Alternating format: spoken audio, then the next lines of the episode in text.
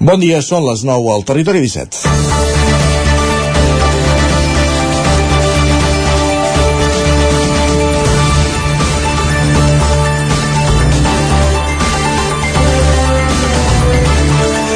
L'Ajuntament de Sant Feliu de Codines aprovava la setmana passada per decret d'alcaldia el tancament de bars a la una de la matinada per evitar els problemes de vandalisme i convivència detectats els darrers mesos al poble.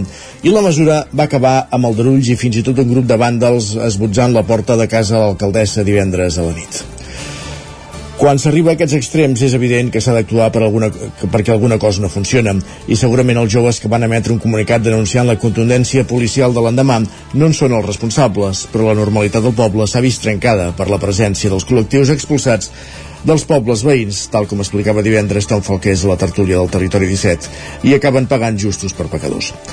Que la situació se n'ha anat de les mans és evident, que la força no és la solució també. Cal ser contundent amb els col·lectius que no entenen on són els límits de la protesta i a partir d'aquí relaxar els ànims amb la resta per reconduir la situació.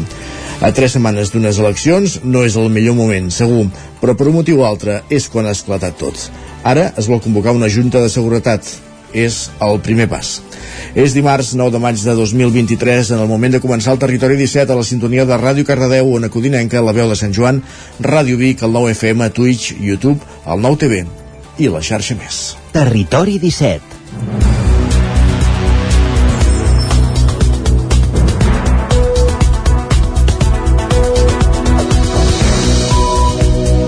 Dos minuts que passen de les 9 del matí d'aquest matí de dimarts 9 de maig de 2023 en el moment de començar el Territori 17, el magazín de les comarques del Vallès Oriental, l'Osona, el Ripollès, el Moianès i el Lluçanès, que us fa companyia cada matí entre les 9 i les 11, des d'ara fins les 11, durant dues hores.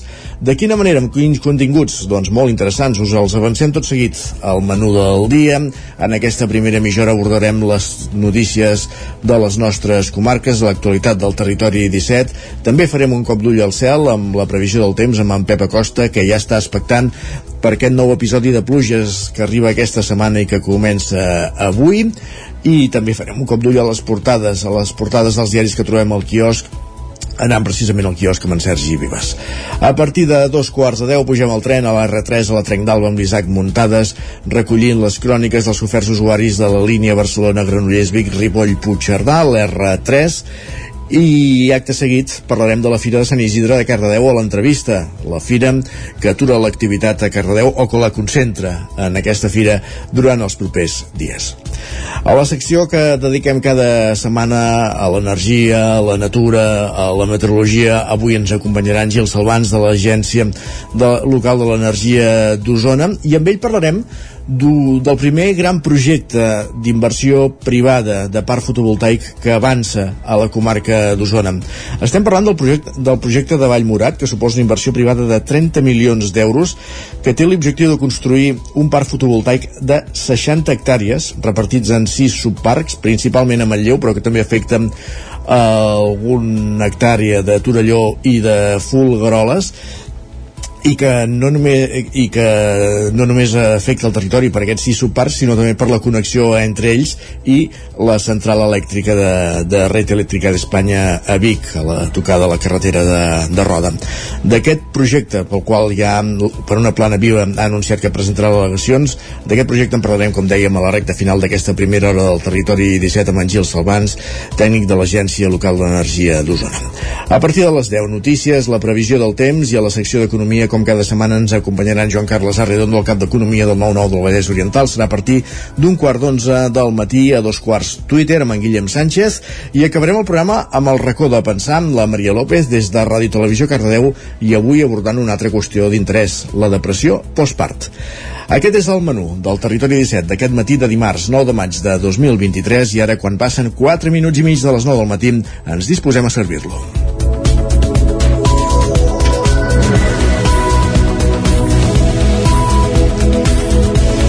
Ho dèiem a la portada, l'Ajuntament de Sant Feliu de Codines convocarà una junta local de seguretat per abordar els aldarulls d'aquest passat cap de setmana pel tancament dels bars a la una de la matinada amb diversos cossos policials. Roger Rams, Ona Codinenca. Sí, com a conseqüència dels fets d'aquest cap de setmana que us venim explicant ja fa dies, l'Ajuntament de Sant Feliu convocarà una Junta Local de Seguretat Extraordinària. Ho farà a petició de Primàries Codines, que aquest dilluns al matí ho ha demanat de manera formal via instància. L'alcaldessa Mercè Serratacó apunta que encara no hi ha data per aquesta trobada, a la qual, a banda dels representants dels partits polítics amb representació al consistori, també hi assisteixen representants del cos de Mossos d'Esquadra, de la policia local i fins i tot de la Guàrdia Civil. Mercè Serratacó explica explica els motius per aquesta convocatòria. Home, suposo que l'objectiu més, més clar és de que tothom sàpiga el perquè de tot plegat, el perquè s'ha fet, els motius, que la policia, Guàrdia Civil i Mossos puguin explicar a tots els regidors eh, en directe el perquè d'aquesta mesura necessària i potser així doncs, tothom estarà més tranquil i veurà que realment el que s'ha fet és el que necessita Sant Feliu. Ja no és un tema de, de qui Primàries Codines considera que és necessari convocar la Junta de Seguretat Local amb urgència entre ahir dilluns i dimecres per poder explicar i valorar els fets d'aquest cap de setmana. La formació, segons ha explicat el regidor Pol Cabutí, condemna els atacs a l'Ajuntament i a la casa de l'alcaldessa, però alhora també considera intolerable que s'actuï de manera repressiva contra la població i per això han demanat que es convoqui la taula. Escoltem Pol Cabutí. Uh, demanarem explicacions, aportarem el nostre punt de vista i també ens agradaria proposar solucions perquè és evident que el, que el tancament de bars, la mesura del tancament de bars no ha estat cap solució. La solució vindrà, eh, creiem, si entenem que el problema que tenim és un problema d'educació i de civisme, de, de grups eh, reduïts de persones i que els cossos de seguretat són del tot imprescindibles però que les mesures no poden ser només repressives contra, contra, tot un, contra tota la població, sinó que han de tenir uns objectius educatius i de civisme des de primària es fan una crida perquè es tracti aquest tema des de la responsabilitat, l'empatia i de la mà del jovent. Estem a dimarts, hores d'ara, de moment encara no està convocada oficialment aquesta junta. Gràcies, Roger. Més qüestions. Troben el, un cadàver a Ribes de Freser que podria ser d'un veí de Granollers de 76 anys desaparegut al juny de l'any passat. Pol Grau, Ràdio Televisió, Cardedeu. Els Mossos d'Esquadra estan investigant la troballa d'un cadàver de Ribes de Freser que podria ser d'un veí de 76 anys de Granollers que va desaparèixer el juny del 2022. Un excursionista que feia una ruta per la zona va alertar els Mossos aquest dissabte pels voltants de dos quarts de dos del migdia. Els ossos van aparèixer en un punt de difícil accés, en una zona anomenada Pedrera del Sagnari. Al lloc també hi havia restes de roba i documentació. Segons van informar els Mossos la setmana de la seva desaparició, va marxar del seu domicili sense telèfon, sense diners i sense roba, i prenia medicació cada dia. El darrer cop que se l'havia vist va ser a Granollers. Especialistes de muntanya van acompanyar la comitiva judicial per fer l'aixecament del cadàver. Caldrà esperar, però, els resultats de l'ADN per poder confirmar que es tracta de l'home desaparegut. I els Mossos d'Esquadra de la comissaria de Vic detenen dos homes de 26 i 22 anys i un menor com a presumptes autors de dos delictes de robatori en força en interior de vehicle Sergi Vives. Els fets van passar dijous, el mateix dia després que els tres homes fossin sorpresos després d'intentar robar l'interior de diversos vehicles aparcats a Uris, van fugir direcció Vic per la C-17. Després d'una persecució, els Mossos d'Esquadra van aconseguir aturar-los a l'alçada de Malla. En l'escorcoll, els agents van localitzar un document d'identitat que no era de la seva propietat, uns auriculars i eines per cometre robatoris. A més, també van localitzar una tauleta electrònica que havien llançat per la finestra durant la fugida. Els Mossos van poder constatar que els objectes recuperats s'acabaven de sostreure aquell mateix dia de l'interior d'un vehicle estacionat en el pàrquing d'un restaurant de Santa Pau, a la Garrotxa. Davant d'això, els tres ocupants van quedar detinguts per la seva presumpta relació amb el robatori. Divendres van passar a disposició del jutjat d'instrucció en funcions de guàrdia de Vic, el qual va decretar llibertat amb càrrecs. Més qüestions, obrim plana electoral, perquè la Junta Electoral obliga l'Ajuntament de Vic a retirar els símbols independentistes del balcó. La Junta Provincial de Barcelona ha tombat el recurs de l'Ajuntament de Vic i ratifica la decisió de la Junta Electoral de Zona de retirar la pancarta que deia Amnistia i Independència amb un llaç groc que hi havia al balcó de l'Ajuntament de Vic. La pancarta ja ha estat retirada. La Junta obligava el consistori a retirar tots els símbols independentistes del municipi durant la campanya electoral per mantenir una absoluta neutralitat política i respecte a la ideologia heterogènia de la ciutadania. La decisió de les dues juntes electorals respon a una denúncia presentada per Impulso Ciudadano. I encara en l'àmbit electoral, Junts per Catalunya de Torelló presenta la candidatura que, que lidera l'actual portaveu municipal Jordi Rossell i el programa de cara a les eleccions del 28 de maig. La plaça Nova va ser l'escenari que va escollir el partit per presentar la candidatura que lidera Jordi Rossell i també per desgranar el programa del poble que volen els propers quatre anys. Uh, entre el públic, cap dels regidors amb qui el candidat havia format govern al mandat passat, però sí l'exalcalde de Convergència, Lluís Bassas, que és el número 7 de la llista. Abans de les propostes pro Rosell i la seva número 2, Esther Ribas, van ser crítics amb el govern actual. Coneixem el Torelló d'abans, veiem el Torelló d'ara i no és el Torelló que volem. Personalment, no ha estat fàcil prendre aquesta decisió d'encapçalar la llista de Junts aquí a Torelló però les ganes de millorar el nostre poble, que fa 3 anys i mig que ha entrat en decadència, una greu crisi inflacionària, una pandèmia mal gestionada, un govern lent i fluix... Estem segurs que aquests dies escoltareu moltes coses, i no sempre bones de les persones que formem part d'aquest projecte. Però mentre uns es dediquin a fer safreig, nosaltres dedicarem a treballar per aconseguir tirar endavant el nostre projecte, el d'arreglar Torelló del xafastre d'aquests quatre anys. Acaba el projecte de remodelació de l'antic camp de, del Montserratí, fer un segon camp de futbol, estudiar la viabilitat d'una planta de biogàs, la reforma de la plaça Joanot Martorell o canviar el pati de butaques del Teatre Sirvianum són algunes de les propostes que va plantejar Rossell. També aposten per la millora de carrers o per la indústria. Jordi Rossell. És molt urgent posar fil a l'agulla en temes urbanístics. Asfaltar carrers, millorar el subministrament d'aigües, clavegaram millorar l'enllumenat públic i l'arranjament de voreres, portar empreses que vulguin operar a Torelló i aconseguir-ho no és tan difícil. Estem situats en un lloc privilegiat. A més a més, crearem una partida econòmica per tal de donar ajuts a les noves empreses que s'instal·lin aquí a Torelló. El candidat de Junts de per Torelló també eh, va presentar totes les eh, persones que l'acompanyaran tot plegat en una llista molt renovada. Més qüestions. El conseller Juli Fernández acompanya Sergi Albric en la presentació del candidat d'Esquerra a Sant Joan de les Abadesses i de quin futur vol per Sant Joan. Isaac Muntades des de la veu de Sant Joan.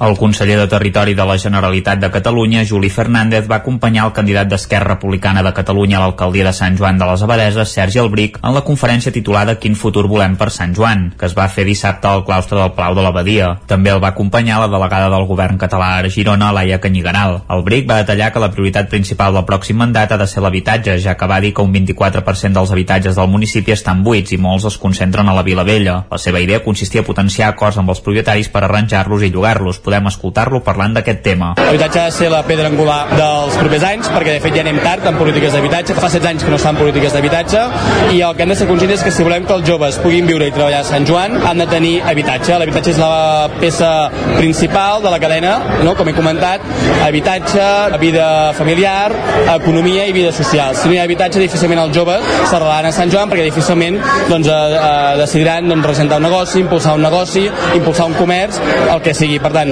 l'Ajuntament no, pot, no pot continuar mirant d'esquena les polítiques d'habitatge i ha de ser proactiu en polítiques d'habitatge. El BRIC també va apuntar que cal convertir la resta de l'espai de l'edifici de la Badesa Emma per un espai per joves, continuar desenvolupant la colònia Lleudet, construir un ascensor per accedir al barri del Roser, fer una plaça coberta, millorar el porta a porta, no ampliar el carril bici sense parlar-ho prèviament, municipalitzar el teatre centre o engegar un nou festival d'arts escèniques. També va dir que no poden oblidar-se de la gent gran. Sant Joan és un poble amb piràmide invertida, per tant, més de 900 persones tenen més de 65 anys i d'aquestes una tercera part, com he comentat, eh, viuen soles. Per tant, hem de fer acompanyament a aquestes persones. I és veritat que hi ha un, un consorci de benestar social, però l'Ajuntament ha de ser proactiu en aquests àmbits i per tant es poden fer moltes accions d'acompanyament, de seguiment, per, de, per potenciar doncs, la vida i ajudar la vida doncs, de la gent que viu sola. A l'acte, en què encara no es va presentar la llista dels republicans, hi van assistir cap a una vuitantena de persones. Encara que no es presenti ja es coneix perquè la llista és pública des que les ha publicat la Junta Electoral.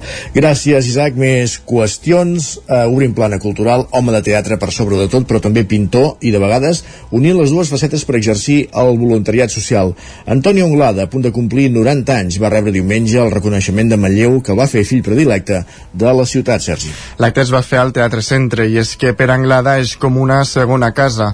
A la distinció que l'Ajuntament li va coincidir com per acord unànime del ple a finals de març s'hi sumen l'homenatge del món teatral, el de la pintura i el del voluntariat social. Antoni Anglada.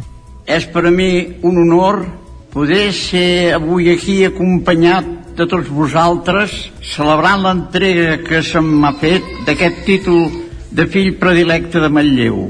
Sí que és cert que la meva vida ha estat molt lligada al teatre i que he dedicat moltes hores gaudint-hi molt i fent-ho passar bé a molta gent. Però també vull dir-vos que estic molt satisfet del temps que voluntàriament he dedicat a la residència Aura, a l'Hospital de Dia i al Centre de Dia Josep Roquer, on he intentat fer passar una bona estona als usuaris recitant, explicant quatre acudits i fins i tot cantant alguna cançó. L'alcalde Àlex Garrido li va fer entrega de la insígnia de Manlleu, la mateixa que porten els regidors, i un dibuix de l'artista local Toni Donada com a símbol de la seva nova condició de fill predilecte de Manlleu. Àlex Garrido. Antoni, gràcies per la teva implicació constant en la ciutat i per la ciutat. Gràcies per la, la teva estima per Manlleu i per la seva cultura. Gràcies per ser com ets, com diu l'associació Teatre Centre, un mestre dels mestres, una persona solidària, L'acte va acabar amb un recital que va barrejar acudits amb poemes de Machado, de Maragall o de Verdaguer. Els dos campanes del poema èpic Canigó va posar el punt final a dalt de tot mentre començaven a sonar les notes de cançó d'amor i de guerra que ell havia interpretat. I Lluc Cruselles, que el passat mes d'octubre va ser reconegut com el millor xocolater del món, va ser distingit divendres amb el Premi Usonenc de l'any 2022 que lliura el 9-9. Tot plegat en una gala que es va celebrar a l'embalat de Sant Pere de Torelló. Cruselles, però, en aquell moment es trobava al Marroc, on va disputar la Titan Desert. Va ser el seu germà, Pol Cruselles, qui recollia el premi a mans de Bet Codina, presidenta del grup al 9-9. Des del Marroc, el mestre xocolater va enregistrar un vídeo per agrair el premi. Mama, papa, Pol, sou increïbles, per tant, gràcies, tot això també és vostre i és de tothom que ha format part de, de tot això, perquè aquest camí està sent i serà increïble perquè venen coses brutals i com diem sempre, hem de cuidar Osona perquè Osona és casa nostra, però d'Osona al món. Ens veiem pel planeta i disfrutem-ho tots. Moltes gràcies, de veritat. Cruselles va disputar-se el premi amb dos finalistes més, Joan Casany, president de Sant Tomàs, i la violinista bigatana Ana Urpina. Per estricte ordre alfabètic, Casany va ser el primer de pujar a l'escenari per recollir el guardó del finalista, acompanyat de la Sandra, una usuària. Des de la nostra entitat reivindiquem una societat inclusiva i justa, on persones com la Sandra i tots els altres que en formen part tinguin les oportunitats de poder desenvolupar una vida plena. I qui també rebia el guardó de finalista era Ana Urpina, que va explicar els equilibris que havia fet per poder ser divendres a la gala de l'Osonenc de l'any. De fet, eh, ahir eh, vaig presentar aquest CD barroc modern a Itàlia, a Milà. Eh, va ser una presentació molt bonica. Eh, I demà eh, me'n vaig a les 5 del matí cap a Praga però quan vaig saber que era dels, dels tres finalistes doncs eh, vaig decidir que hi havia de ser sí o sí per altra banda, la Cambra de Comerç d'Osona va lliurar el Premi Innovació i Talent 2022 a Alex Said, fundador i CEO de Menoi, una empresa que agilitza pagaments i permet que els comerços no hagin de tenir datàfon.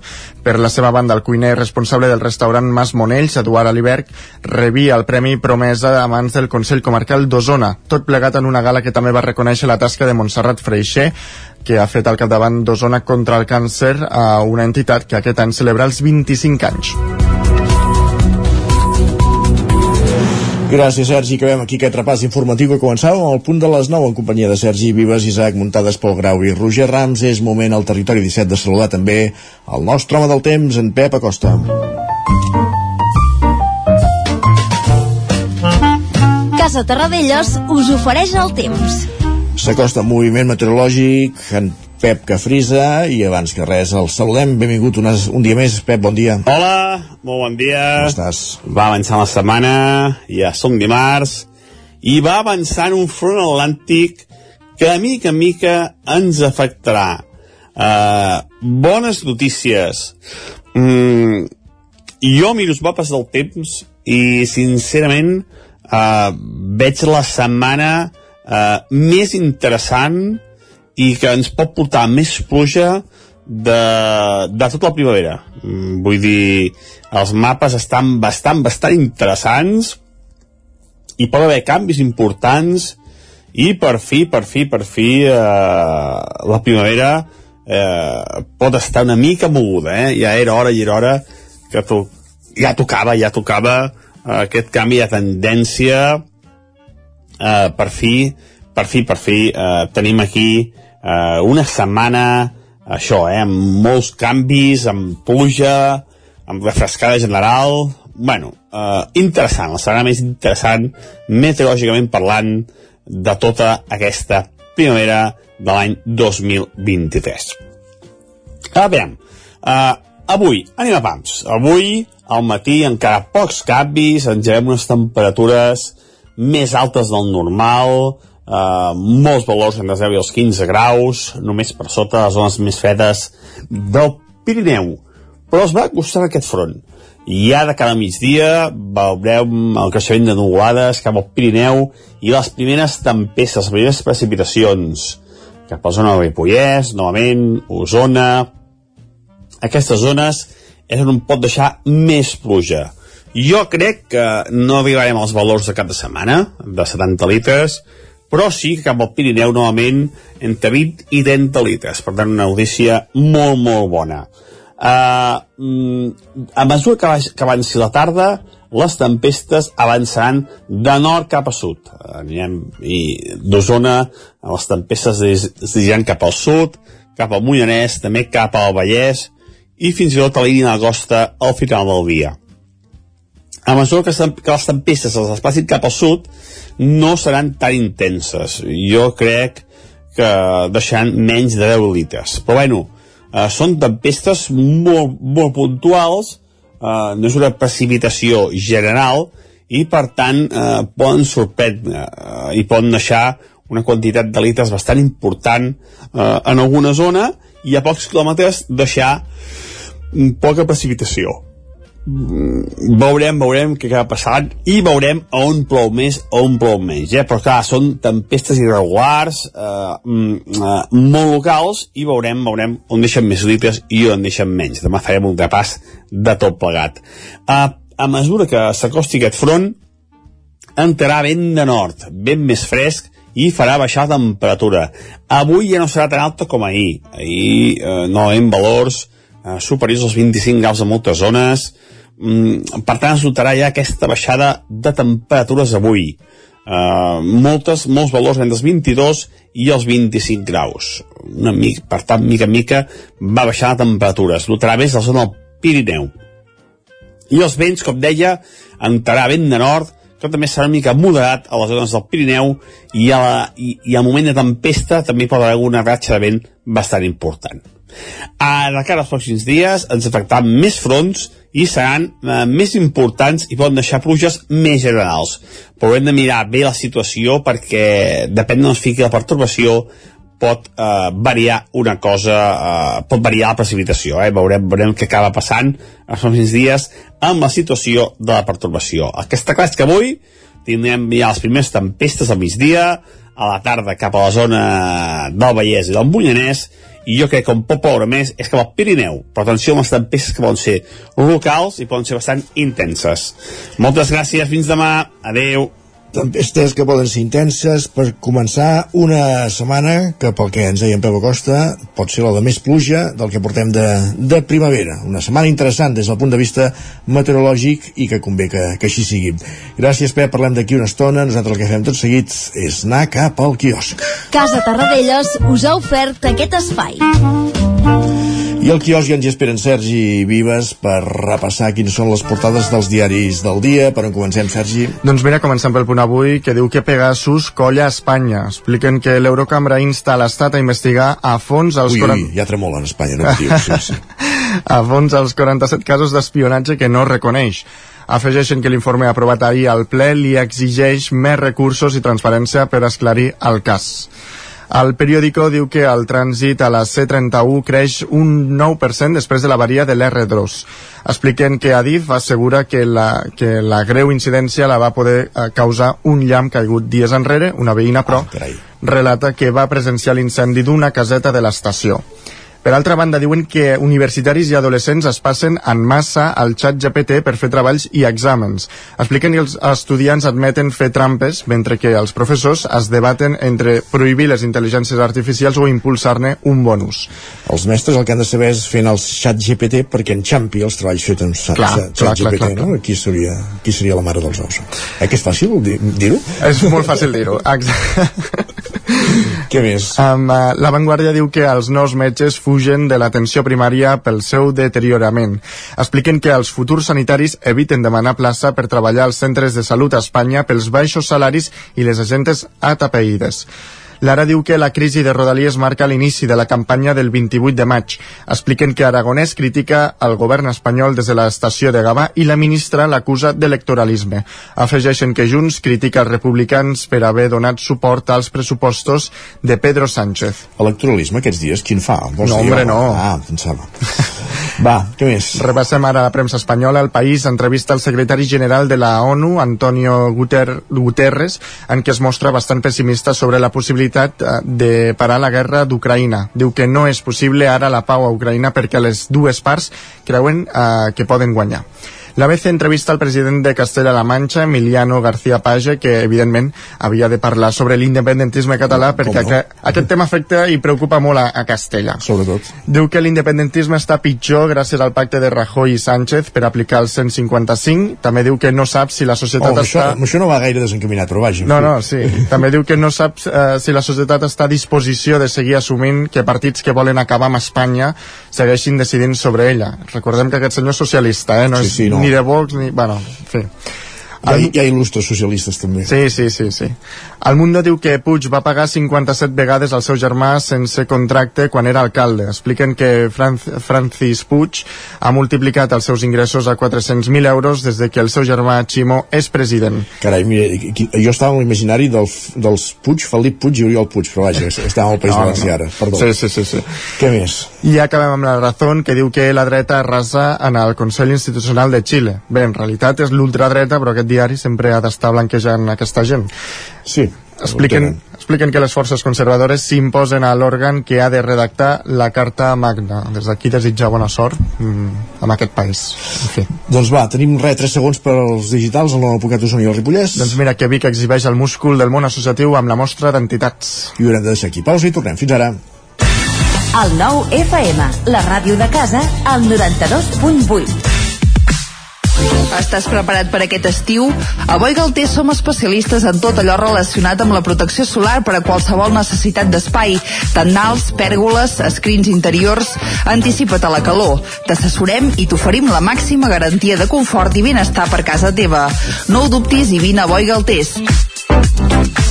Ens trobaràs al carrer Jaume I de Vic número 5 al 93 886 1420 a la nostra web www.boigaltés.com i també som a Instagram boigaltés.tendals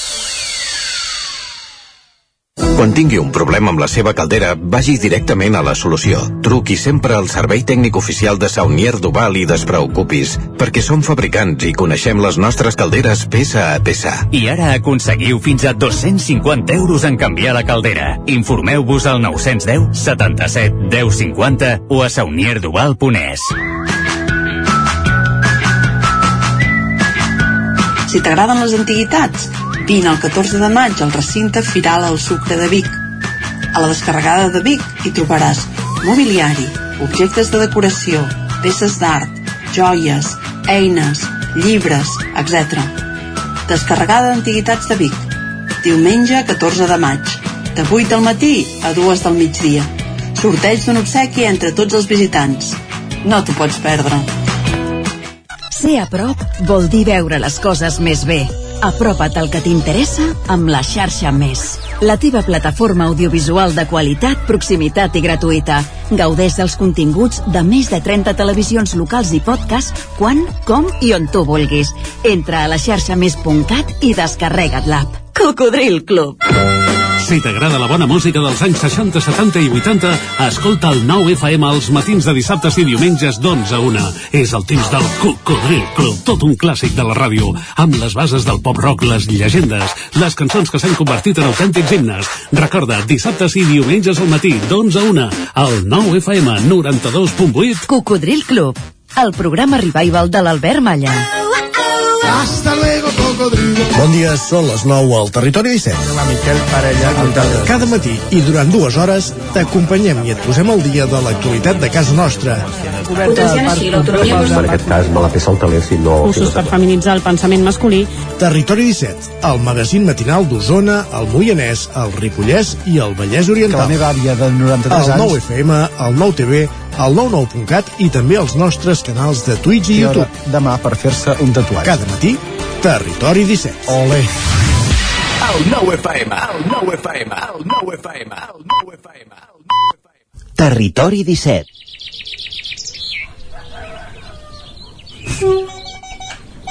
A Tren d'Alba. Cada dia els usuaris i usuàries de la línia R3 de Rodalies que veuen sortir el sol des d'un vagó ens expliquen les gràcies i les penes del primer comboi que uneix Ripoll i Barcelona o les feixugues jornades amb el tren després de treballar.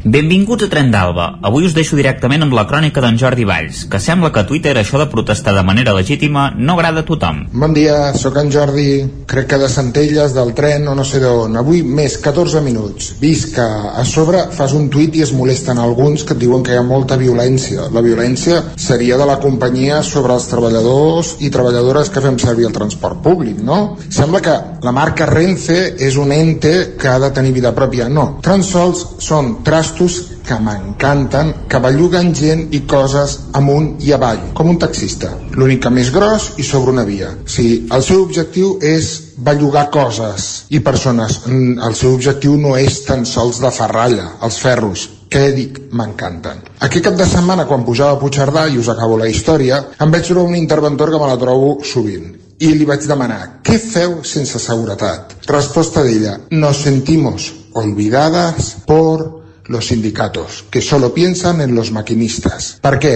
Perquè els maquinistes tenen el poder de coacció, que és legítim, i si creuen que estan amb el seu dret, m'ho menjo amb patates i aguantar, com faria jo. Però clar, aquesta cosa, aquest comentari em va fer pensar una miqueta sobre el tema sindicat, sobre el tema que han de ser, i jo he format part, però que a vegades eh, fem servir, fem més cas al que més crida i potser al que més no necessita. Per tant, reivindico, i si m'escolta algú, els interventors, interventores, els revisors, com es coneixem popularment, sempre haurien de dur seguretat. Sempre vol dir sempre. Ah, i la seguretat és la de Renfe, eh? que a vegades pensem que allò és territori Mossos si passa alguna cosa. Per això es paga i es fan concursos públics per contractar seguretat. Res més, vinga, vaig a començar el dia, vaig a fer un cafè a veure si m'animo. Adéu-siau. Déu-n'hi-do l'usuari Robert Bonet, que a més a més, pel que sembla és maquinista, que li diu en Jordi que la pandèmia, encara que es morís gent, els metges eren herois i ells són escòria quan apunta que pateixen el maltracte de l'usuari. I tot perquè en Jordi havia fet una piulada irònica dient que hi havia normalitat en el servei quan els trens anaven tard. Aquest usuari deia que el comentari tenia una agressivitat constant. Llavors és quan en Jordi li recordava els 13 i 14 minuts tard en un trajecte de poc més d'una hora. L'usuari li responia amb més d'una desena de piulades. També és veritat que sense cap insult, només aportant dades, però és cert que també hi ha una mica de victimisme Pot tenir raó que la feina del maquinista és dura i se'ls té maltractats, segur, però ells tampoc ho fan sempre bé. Va, ens retrobem demà amb més històries del tren i de la R3. Territori 17, el 9 FM, la veu de Sant Joan, Ona Codinenca, Ràdio Cardedeu, Territori 17. 3 minuts que passen de dos quarts a 10 del matí.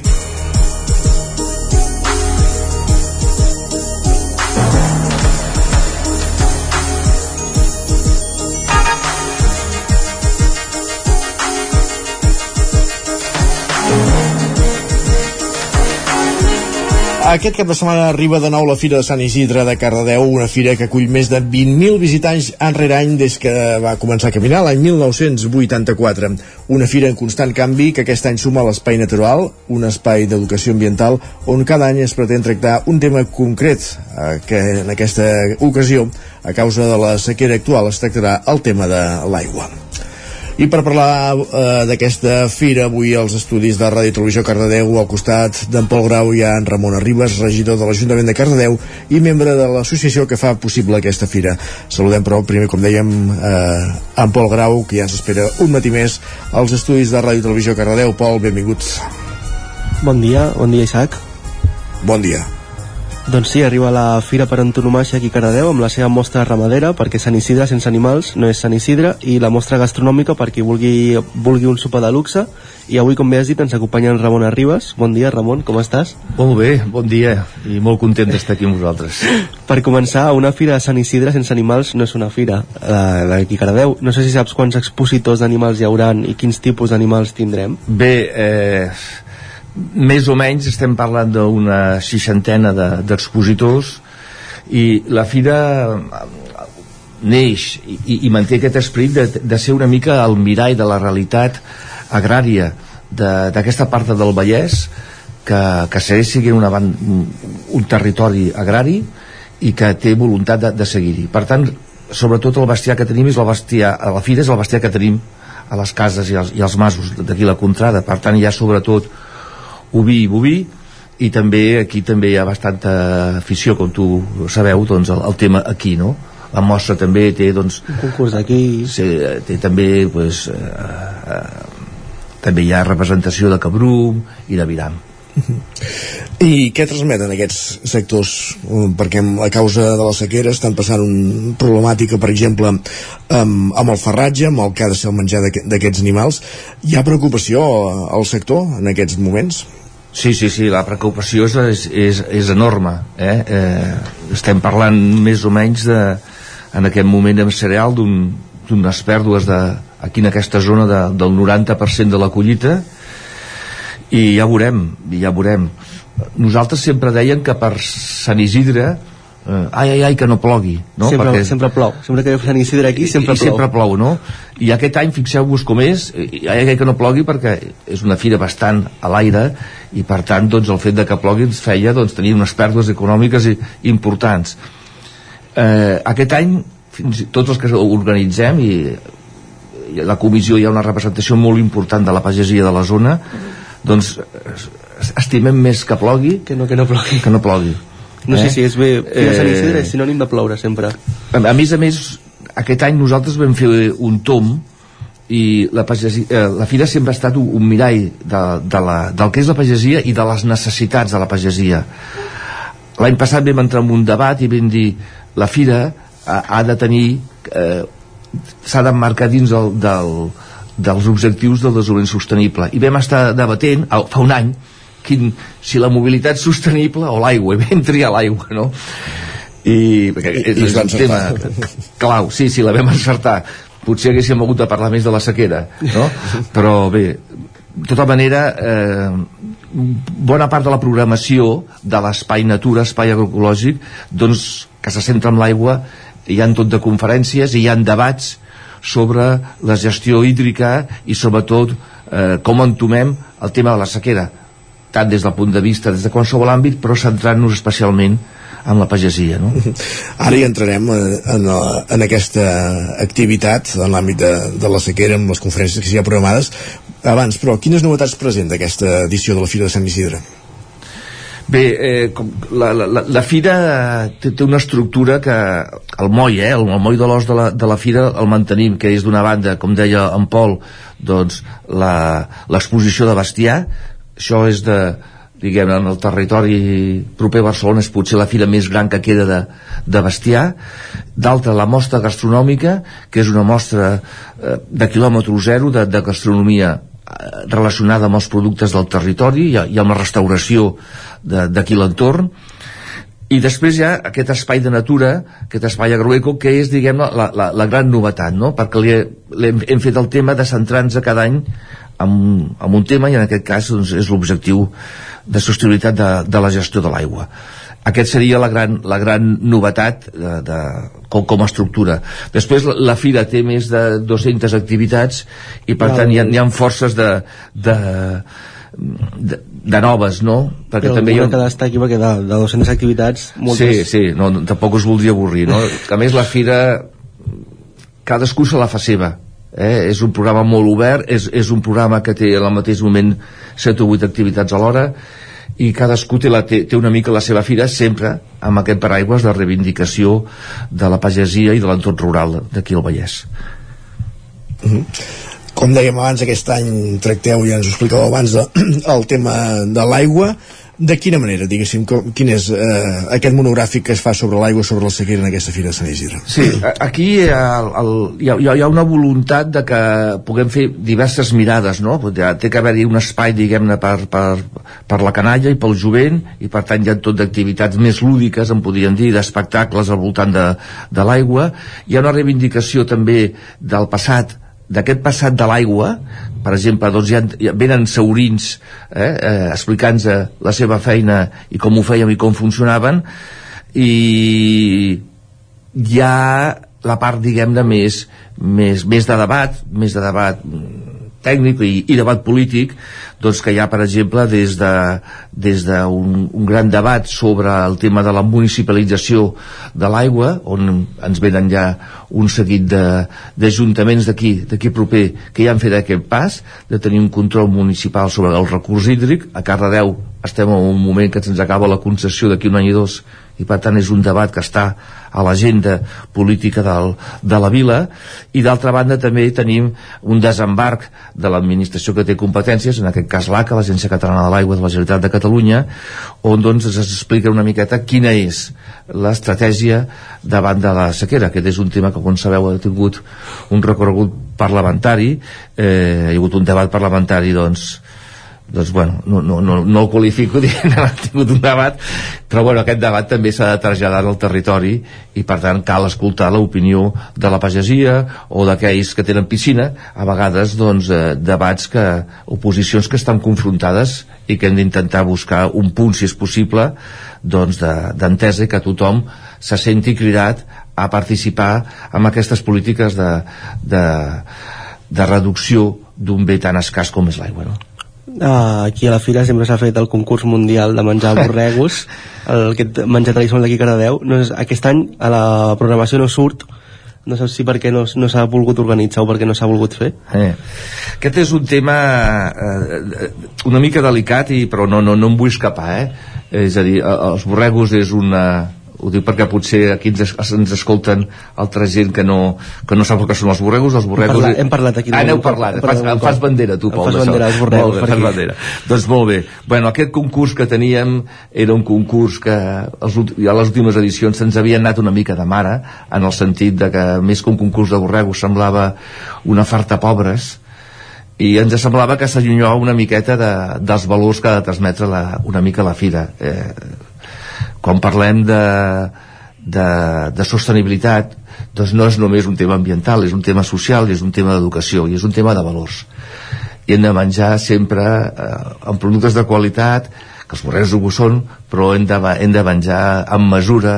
Perquè no ho sapigués són 600 grams de pa sec sí, i dur exacte. que te'ls has de menjar amb I, aigua llet o vi. vam tenir el nostre debat i vam semblar que segurament doncs, pels temps de futur doncs era una cosa que, que l'havien de deixar. Segurament portarà debat eh? ja, ja... Sí, és que és com el concurs mundial que es fa a la sí, fira sí, ja veig que, ets un, ja veig que ets un gran fan Al, altres llocs el fan amb flams i, i amb altres productes. Exacte, exacte. Uh, el que sí que no oblida la fira més, abans hem parlat ja de la tradició ramadera de la tradició de la pagesia mm però també hi ha aquest, tota aquesta branca que deia abans en Pol, que és la part gastronòmica. Què hi podem trobar des de l'àmbit gastronòmic a la Fira de Sant Isidre? Bé, el, en, a, aquest any eh, s'estructura, segueix el model gairebé de sempre, on els restauradors de la zona eh, presenten els seus productes, els seus plans ja elaborats. Eh? La mostra s'estructura sobretot als sopars, tot i que al migdia hi han cates de, de vins i alguns productes, però hi ha, hi ha dic de memòria, em sembla que hi ha, són una dotzena o deu, deu restaurants de la zona que cada un d'ells presenten 7 mm, o 8 plats i el, els, els, que, els que anem a la, a la fira doncs tens la possibilitat de, de, de fer-te tu el teu menú, eh? un menú, diguem-ne... Un primer, un segon, un, un uns entrants, un primer, un segon, un postres, i també el mateix amb, amb, amb, amb les begudes, i et fas una miqueta, eh, et fas el menú tu a partir d'aquesta oferta que deuen ser doncs, més o menys uns 40, uns 40 plats de, de la zona. Cadascú, cada restaurant té una mica el seu, el seu eh? hi ha uns restaurants poder més vegetarians o vegans però hi ha d'altres que fan fan més un producte diguem-ne basat més en els productes de, clàssics i tradicionals d'aquí al Vallès. Bé, és una miqueta la mostra va per aquí. El que vol la mostra és lligar una miqueta que hi ha un seguit de la restauració que ja ha tirat cap al quilòmetre zero i per tant que quan mengen tomàquets són tomàquets del Vallès i quan mengem vedella doncs és vedella en aquest cas doncs, per exemple vedella ecològica de Cardedeu no? Uh, abans comentàveu que aquest any s'ha de ploure que plogui, entenem que d'alguna manera teniu un pla B, i no sé si heu mirat ja les previsions del temps, ahir em sembla que mirava la televisió i deia que em semblava que el dia de més intensitat de pluja seria divendres, però que igualment també plouria poc o molt dissabte i diumenge. No sé si heu mirat els mapes del temps i davant això què, què teniu previst, diguéssim, no sé si hi ha algun pla B, per aquí. eh, doncs... Sí, eh, els hem mirat i els hem seguit amb, amb molta atenció. Eh, tenim, la veritat és que tenim poc pla B. Eh? Tenim poc, hi ha un seguit d'activitats que les podem posar cap a algun pavelló que tenim i cap a algun poliesportiu, però poca cosa. Sí, vull dir-te, tota la instal·lació del bestiar. És que aquest és el gran valor de la fira, no? És una fira molt amb un entorn natural molt bonic. Tot l'aire lliure. I, i és gairebé tot tota la loria, excepte les conferències i les cartes. Aquest any, per primera vegada, hem volgut començar la fira abans. Eh? És a dir, eh, va començar aquest dissabte amb una neteja també de la Riera, eh, que va participar força gent, la Riera que travessa pel mig la, la fira, i aquest dimecres, per exemple, en el cinema Esbarjo de Cardedeu hi ha la presentació d'un projecte, en aquest cas un, un documental, es diu Alternatives, eh, i, i tota una mostra de productes, i, i di- divendres també hi ha altres activitats fora de l'espai final eh? a la llarga aquí hi ha una voluntat de fer participar sobretot les escoles a la fira i per tant l'haurem d'avançar cap endavant tres o quatre dies però el pla B no sé si hem de posar una carpa gegant alguna, alguna, algunes espelmes perquè tenim, no en tenim gaire no. D'acord, Ramon Arribas, regidor de l'Ajuntament de Cardedeu, membre de la comissió que organitza la Fira de Sant Isidre, molt bona fira i mira, benvinguda sigui la pluja en aquesta eh, ocasió. I tant. I moltes gràcies a vosaltres per la sensibilitat de fer-nos resar de la fira. Gràcies. Gràcies també, Pol, per acompanyar-nos un matí més. Fins ara. Fins ara. I nosaltres avancem al territori 17, hem parlat d'aquesta fira de Sant Isidre que està prevista aquest cap de setmana a Cardedeu i tot seguit parlem d'energia fotovoltaica i d'un projecte de parc fotovoltaic que està previst eh, instal·lar, o si més no va avançar en tràmits per instal·lar-se a la comarca d'Osona.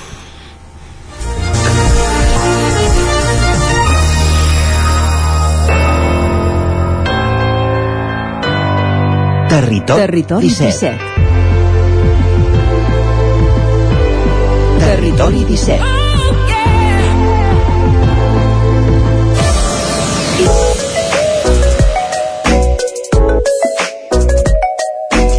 Dos minuts que passen de 3 quarts de 10 del matí. Als estudis del 9FM ens acompanya ara en Gil Salvans de l'Agència de l'Energia de l'Agència Local de l'Energia d'Osona. Gil, bon dia, benvinguts. Bon dia, Isaac Uh, en aquesta edició d'aquesta secció que fem un cop al mes per parlar d'energia ens volíem fixar en aquest projecte de parc fotovoltaic que promou una empresa que es diu Vallmorat, o que, si més no hagi matejat el projecte, que preveu un parc fotovoltaic de 60 hectàrees a la comarca d'Osona, però dividit en 5 o 6 subparcs, principalment a Manlleu, però també afecta alguna hectàrea a Torelló, o també a Folgueroles, i no sé si el dic el més problemàtic del projecte a, a ulls del territori seria la línia que ha d'interconnectar aquests sis subparcs amb la central elèctrica de Red Elèctrica d'Espanya eh, al polígon Malloles de, de Vic.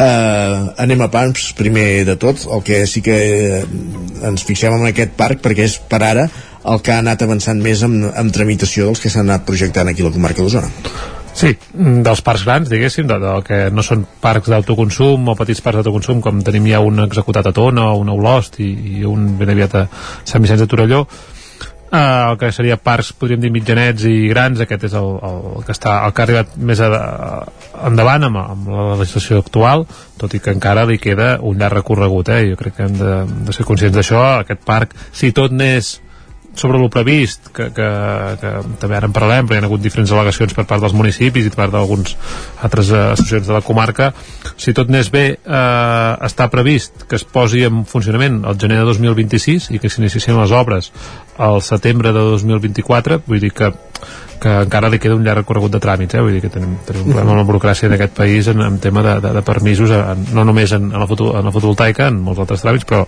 també, també és un cas.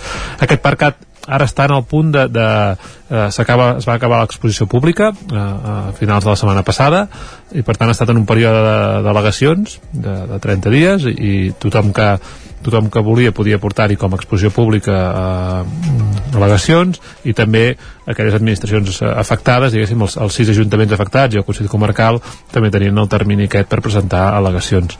S'ha de dir que, que, que així ha estat, vull dir que el parc té, té punts positius no, no, no hem de dir que és un parc que, que anti a tot, sinó que jo crec que, que divideix, es divideix en zones petites eh, compleix el que havíem parlat d'unes directrius de menys de 10 hectàrees cada, cada nucli eh, distàncies de més d'un quilòmetre entre nuclis però en canvi té, té punts negatius que, que jo crec que en aquest procés de, de legalització i de posada en funcionament del parc s'haurien de millorar si, si, si volem que aquest parc eh, funcioni i estigui adaptat al territori. Mm -hmm un dels grans impactes, com deies, és la línia, la línia d'evacuació línia d'evacuació eh, que, si no tinc mal entès, entre el sis subparcs sí que va soterrada, però clar, de l'últim fins a la línia elèctrica sí que va amb, amb torres, eh? Sí, aquí s'ha de dir que, que tenim un problema important si volem fer la transició energètica amb la xarxa elèctrica, eh? és a dir, per què aquest parc que està centrat en un percentatge més del 80% de les plaques estaran ubicades al terme municipal de Manlleu, anem a punxar uh, a Baix Vic mm, pues, perquè tenim un problema amb la línia de distribució. És a dir, és una línia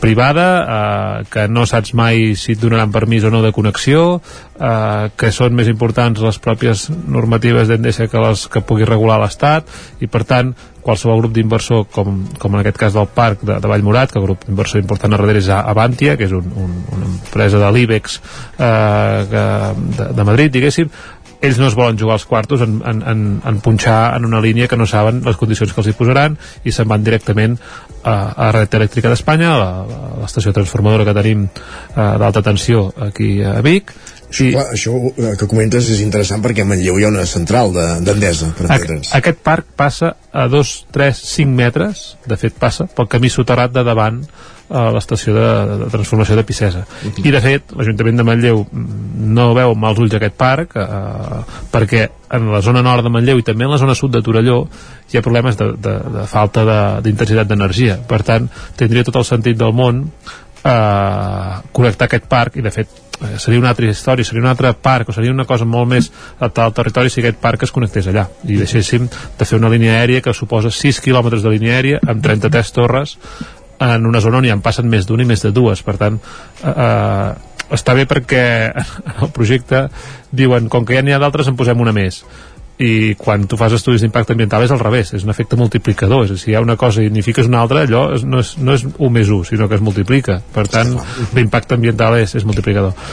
Uh, per tant també tenim aquest punt, eh? és a dir, trobem, o sigui, les al·legacions, eh, s'ha de dir que els ajuntaments hem treballat conjuntament, coordinats també pel Consell Comarcal d'Osona, eh, eh, hem fet un parell de reunions eh, amb els diferents ajuntaments per com, com els veien, com, com veien el parc, quines, quines les seves inquietuds, preocupacions, és veritat que el parc afecta principalment a Manlleu quan, en quant a plaques fotovoltaiques, també amb un petit subparc a Folgueroles, eh, i però en canvi llavors la seva línia elèctrica passa per, eh, bueno, i a Torelló una petita part, eh, una punta d'una zona eh, la línia elèctrica passa per Masies de Roda, per Gurb eh, també per Manlleu i també una petita part de l'Esquirol per tant, tots aquests municipis ens hem coordinat amb el Consell Comarcal de l'Agència d'Energia, s'han preparat un model de delegacions conjuntes, més un annex de cada especificitat de cada municipi, perquè cadascun té el seu planejament, l'efecte de la seva manera, però sí que hi ha hagut un seguit de delegacions que les hem fet conjuntes, molt enfocades cap al que parlàvem ara, eh? buscar alternativa de connexió, no haver d'anar a connectar a, a 7 quilòmetres en línia recta de, l'última estació eh, hi ha alternativa a Manlleu o com mínim com és que no posen l'alternativa en un projecte perquè quan, quan presentes un projecte d'aquest tipus eh, has de presentar alternatives. O poso les plaques aquí perquè si les poso allà no, és menys impacte el que sigui o passo aquesta línia perquè en canvi no hi ha alternativa en el projecte trobem falta alternativa. Si no hi hagués alternativa de, de connexió una línia vermella per nosaltres és la, és la línia aèria jo crec que s'hauria de soterrar aquesta línia sí o sí i després també hi ha tot un tema de, de les ubicacions de les parcel·les. Eh, n'hi ha algunes, no totes però n'hi ha algunes, sobretot la de Folgueroles i alguna de Manlleu, que afecta zones de, de valor agrícola. I aquí sí que la normativa de la Generalitat eh, les ordres que ha anat donant i, i, i el que ha anat elaborant són molt bueno, tots tenim molt clar que les, les hi ha una categoria del sol agrícola que com més alt és la categoria o sigui la categoria 1 i 2 és de gran valor agrícola després va baixant. Uh -huh. i la Generalitat sempre ha dit que categories 1 i 2 no s'hi poden posar plaques. En casos excepcionals perquè és un autoconsum i està al costat, etc es podria mirar, però si no és així i en canvi aquest parc sí que afecta sí que hi ha algunes de les zones que afecten a categoria 2 i per tant s'hauria de reformular aquesta, aquesta aquesta ubicació de les plaques eh, també és una al·legació que hem fet. Eh, veurem, veurem com acaben les al·legacions veurem també ara, o sigui, al mateix moment que des d'aquí el territori es fa delegacions també els diferents departaments de la Generalitat estan analitzant el parc eh? és a dir, aquest parc el que va arribar és la suficiència d'informació. És a dir, la Generalitat va dir ja tinc tota la informació per saber si et puc donar o no el permís per tirar endavant. I quan fan això després ho exposen públicament perquè també altres, altres ens i, altre, i, i la ciutadania puguin opinar no vol dir que la generalitat ja l'hagi vist bé i tiri endavant, eh? ha de passar per urbanisme ha de passar per agricultura, ha de passar per energia etc. Uh -huh. per tant veurem com acaben els informes sectorials de cada departament sobre aquest parc, jo crec que el tema del valor agrícola de categoria 2 segurament sortirà d'algun altre departament també i, i llavors veurem si els hi fan de proposar alternatives o, o què passa amb aquest tema. El que sí que és un exemple aquest projecte és d'allò que repetim secció rere secció que és que la transició energètica si no la fas tu te la faran. I en aquest cas és això, el que em deies un projecte que ve d'una empresa de Madrid d'una empresa de l'IBEX, d'Avantia i que, si més no, fins ara és del que s'ha presentat en, en, entre comedes amb més cara i ulls aquí a la comarca. És així, com dius, eh, jo no paro de repetir tant aquí a l'emissora com quan fem xerrades de l'agència que la transició energètica s'ha de fer sí o sí, eh, ho veiem, ara, ara, ara fa poc parlàveu de sequera, veiem com tenim el canvi climàtic, va més ràpid del que ens pensàvem i si no hi fem res eh, serà terrible. Per tant hem de fer la transició energètica i la transició energètica o la fas o te la fan. En aquest cas a tots ens voldríem que aquest parc fos una inversió de la pròpia comarca eh, eh, però mira, ells han anat, han anat per feina han, tenen els drets d'accés i els drets de, de, de la xarxa des d'aquí de moment no hem sigut capaços de mobilitzar mm, projectes una mica importants. Sí que hi ha projectes d'autoconsum d'empreses de, de la comarca però eh, no hem fet cap projecte important. Esperem que també l'arribada de les comunitats energètiques puguin anar executant certs petits projectes al territori.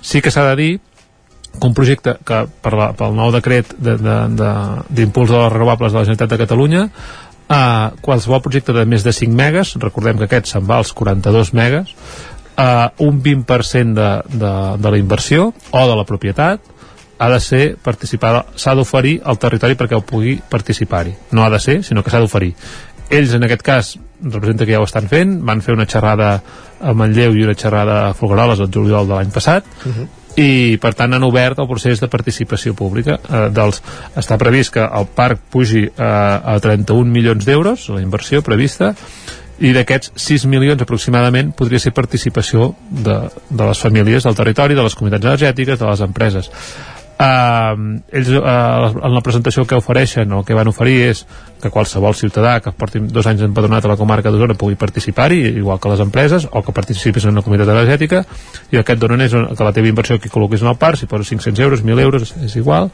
sigui que és un mínim de 100 euros i el màxim era bastant alt uh, et donen un 5% de tir a 15 anys vale? això sí que ja ho han ofert, per tant el procés d'oferiment ja està fet, ara falta veure si el parc tira endavant, si tira endavant en aquestes condicions o, o com acaba, eh? però vull dir que estan complint el marc legal establert a Catalunya i, i aquest parc com deies, és el del més evolucionat que tenim ara mateix sobre, sobre el territori. Perquè el que també hi ha són acords amb propietaris, de fet, no?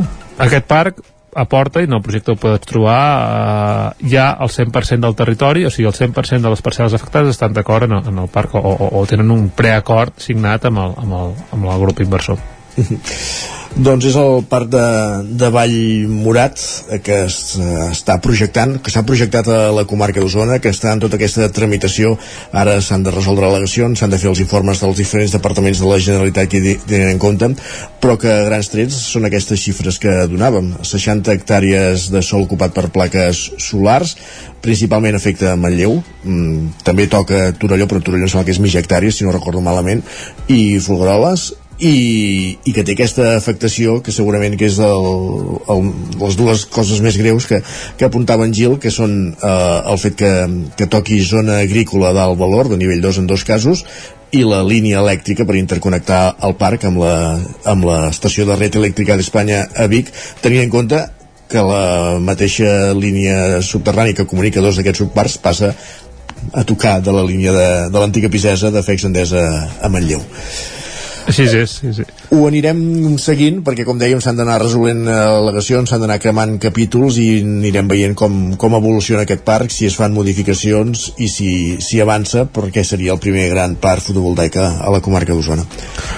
Hi, hi ha un altre punt, Isaac, molt ràpid. Sí, També, sí. Uh, si, si, si algú vol consultar-ho, la, la Generalitat va, va treure unes, unes propostes de com adaptar els parcs fotovoltaics al territori i, i allà ficava una, propostes de millora eh? i hi havia una de les propostes que deia que, que cap parc estigués situat a menys de sembla que són 200 metres o 300 metres d'una masia catalogada. I en el cas, per exemple, de, de la subzona de Fogroles, envolta una masia catalogada, per tant, no compleix tampoc les recomanacions de la Generalitat en aquest punt. Vull dir que hi ha un seguit de punts d'aquest parc que jo crec que, que si es vol tirar endavant i es vol adaptar al territori s'hauran de, de millorar i modificar. Gràcies, Gil, una setmana més. A vosaltres, gràcies. I acabem aquí, acabem aquí aquesta primera hora de la, del Territori 17, arribem a l'equador del programa i ara, que són les 10, ens posem al dia amb les notícies més destacades de les nostres comarques, les notícies del Territori 17, les notícies d'Osona, el Ripollès, el Vallès Oriental, el Moianès i el Lluçanès. Territori 17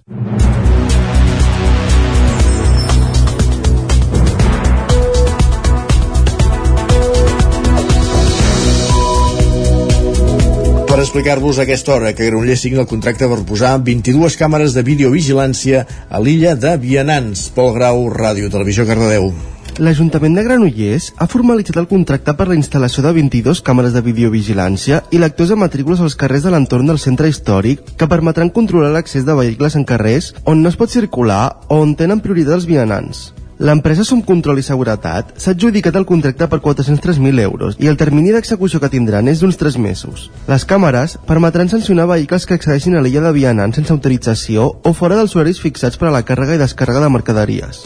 També millorarà la seguretat ciutadana i la gestió del trànsit. L'actuació compta amb un finançament del Fons Next Generation de la Unió Europea.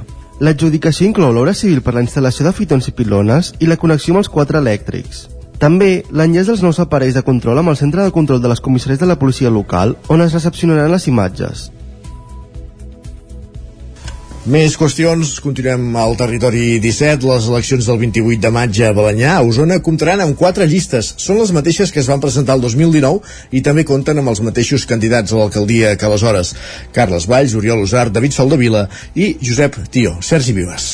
El trasllat de l'Ajuntament a la plaça Josep Espona, l'adequació de l'anterior ubicació, la pista com a centre cultural, la transformació de l'escola en institut escola i les obres de la carretera de Ribes per anar canviant progressivament la imatge de l'antiga Nacional 152 que travessa el municipi han estat a banda de la pandèmia elements destacats del mandat que ara acaba a Balanyà. També l'acord amb bon preu via permuta que permetrà a l'Ajuntament disposar dels terrenys de l'antiga discoteca Caribú a l'actual alcalde Carles Valls que repare, repeteix al capdavant de la formació independent mm, Junts per Balanyà situa aquest espai com a primordial de cara a les propostes del nou mandat. Això serà segur, si governem, que quedaria fet el consultori i la zona verda, tota la zona jardinada i verda que va un gran parc també, però repeteixo, són 9.000 metres quadrats que donen molt de sí.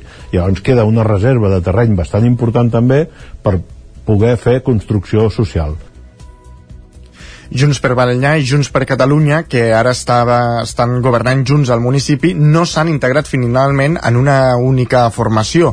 Els postconvergents, que també reparteixen alcalde amb, alcaldable amb Oriol Usart, han optat per canviar-se el nom i així diferenciar-se de la candidatura independent.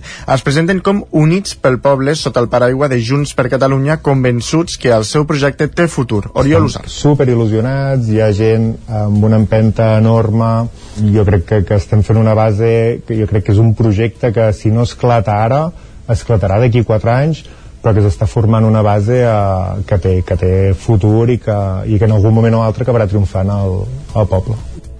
Esquerra i Sumem per Balanyà, formació vinculada al PSC, han estat a l'oposició aquest mandat. Els dos grups també aposten pels mateixos candidats que fa 4 anys, David Soldevila i Josep Tió. Sumem s'ha mostrat especialment beligerant amb el govern per suposades irregularitats a les obres de la pista i en alguns moments els dos grups han fet front comú per demanar explicacions. Entre les prioritats de cara a les noves eleccions, Esquerra hi situa els joves i Sumem, sense concretar-les, les polítiques per, per a les persones. David Soldevila i Josep Tió. A part de fer la, la part acadèmica que s'ha ampliat en el municipi, el que volem és que realment tota la part de gresca, de lo que són activitats esportives i això es quedin al municipi. Aquest és un punt que farem i després el que sí que volem mirar és tot el sector de la, de la gent gran. Polítiques adreçades a la salut, serveis socials, eh, ensenyament i, i cultura que també és un de, dels pilars importants en aquesta societat no? en segon pla tenim eh, que jo sempre en dic el formigó i els totxos a l'Ajuntament actual, Junts per Balanyà hi té 5 regidors i els altres 3 grups, Junts per Catalunya, Esquerra i Sumem, dos cadascun. Més qüestions encara a la pàgina electoral. La CUP de Can de Bànol presenta la candidatura liderada per Mariona Baraldés i una clara aposta per l'habitatge. Isaac Muntades, des de la veu de Sant Joan. Divendres passat, la CUP de Can de Bànol va presentar la candidatura i el seu programa electoral davant de gairebé una trentena de persones a l'espai del Cercle Can de Banolenc, al casino. La llista l'encapçalarà per tercera vegada consecutiva l'actual i única regidora copaire del consistori, Mariona Baraldés, que després d'aquest mandat ja no podrà tornar-se a presentar per la limitació de mandats del Codi Ètic dels copaires. La CUP va dividir el seu programa electoral en quatre eixos, la qualitat de vida, la ciutadania, el territori i l'administració. Per Aldés va apuntar que el punt més destacat del programa i que serà una línia vermella per entrar a govern en cas de ser decisius serà l'habitatge. Camp de no, no té pisos de lloguer i hi ha moltíssims pisos buits i són pisos que s'estan, bueno, que, que al final cauran perquè no hi ha ni un manteniment, no? Llavors, el que volíem intentar fer és un, com un pla local d'habitatge. A més, sabem que la Diputació de Girona en aquest sentit t'acompanya i t'ajuda en la redacció d'un pla d'habitatge i a partir d'aquí no, intentar que hi hagi la possibilitat d'adquirir pisos de titularitat municipal, no? que, sigui la, que la gestió les faci des de l'Ajuntament, que si hi ha sessions de propietaris doncs, per X anys no? hi hagi la titularitat la tingui l'Ajuntament i es pugui crear un parc d'habitatge perquè la gent que vulgui tornar a casa de fora i vulgui tornar tenir opcions, gent que vulgui venir a viure a Camp de Mànol, que en aquest sentit és un poble bastant còmode, acollidor no? i que té tots els serveis pugui venir i perquè la gent jove no? I, i les famílies amb dificultats també doncs, puguin viure en un habitatge digne. Per la CUP també hi ha altres punts fonamentals com la supressió de barreres arquitectòniques o l'aposta per fer uns pressupostos participatius. Baraldés també apuntava que calia canviar el model de recollida de residus i passar-se al porta a porta, crear un Consell Juvenil representatiu, fer una residència municipal a l'edifici de les antigues escoles, millorar la transparència o gestionar millor el torrent de la cabana, limitant l'aforament i demanant cita prèvia. Vista la fragmentació que es preveu al consistori cananolenc després dels comicis, si la CUP és decisiva, decidirà si entra al govern després de consultar-ho a l'Assemblea. A la llista, que és bastant continuista a les primeres posicions, també s'hi suma gent jove. Àfrica Montaner serà la número 2, Carles Bonic anirà de 3, Gemma Rossinyol de 4, Maiol Miró de 5 i Kènia Ayuso de 6. La resta de la candidatura la componen Carla Vidal, Manel Pernal, Oriol Castanyer, Núria Picado i Pau Castella. Gràcies, Isaac. Passen 7 minuts de les 10. Una notícia que us avança a aquesta hora al 99.cat i és que hi ha hagut un detingut per fer tocaments a una menor a Sant Quirze de Besora. Els fets van passar dijous. Els Mossos d'Esquadra van arrestar el jove a l'estació de tren on s'havien produït els fets hores abans, Sergi. Exactament, els Mossos d'Esquadra van detenir dijous passat un jove per fer tocaments a una menor a Sant Quirze de Besora. Segons la policia catalana, els fets haurien tingut a la lloc a l'estació de tren del municipi. Els Mossos van rebre l'avís al voltant de dos quarts de sis de la tarda. Van fer recerca per la zona i amb l'ajuda del vigilant municipal van poder enxampar-lo a la mateixa estació al cap d'unes hores al voltant de dos quarts de deu de la nit. El jove de 26 anys va quedar arrestat per un presumpte delicte d'agressió sexual. Gràcies, com dèiem, un apunt, una notícia que avança a aquesta hora al 99.cat. Més qüestions, Sant Feliu de Codines ha acollit la trobada anual dels 100 cims amb uns 300 participants vinguts d'arreu del país. Roger Rams, zona codinenca. Sant Feliu de Codines ha acollit aquest cap de setmana la trobada anual dels 100 cims, un dels actes més importants en el món de l'excursionisme català, organitzada des de la, Fundació, des de la Federació d'Entitats Excursionistes de Catalunya, que ha plegat, com dèiem, unes 300 persones vingudes de diferents punts del país, ja que aquest certamen és itinerant i, per tant, cada any se celebra en una població. Enguany, Sant Feliu ha estat l'escollida a petició del Centre Excursionista del Poble, ja que ara fa dos anys, el 2021, l'entitat va celebrar els seus 50 anys i aquest esdeveniment forma part d'aquest aquesta celebració que no s'havia pogut tirar endavant per la pandèmia. El president de la Federació d'Entitats Excursionistes de Catalunya, Jordi Merino, destaca la importància d'aquesta trobada. Bueno, la trobada 105 és,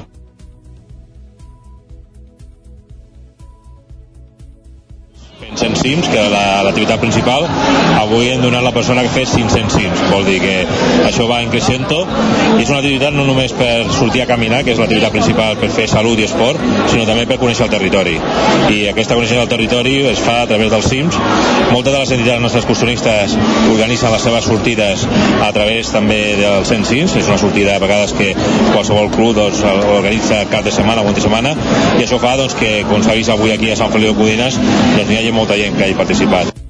Per la seva banda, des del Centre Excursionista de Sant Feliu es mostraven molt agraïts de ser els anfitrions i expliquen que els assistents van poder triar quina activitat preferien fer, si bé una d'esportiva o una de cultural pels entorns de Sant Feliu, així com també Sant Miquel del Fai. Susi Sanz és la presidenta del Centre Excursionista de Sant Feliu. Persones que estaven inscrites han arribat cap a les 8 del matí, eh, se'ls ha ofert un esmorzar i després podien triar entre una activitat eh, cultural, que era una visita a Sant Miquel del Fai, o bé una excursió per als voltants.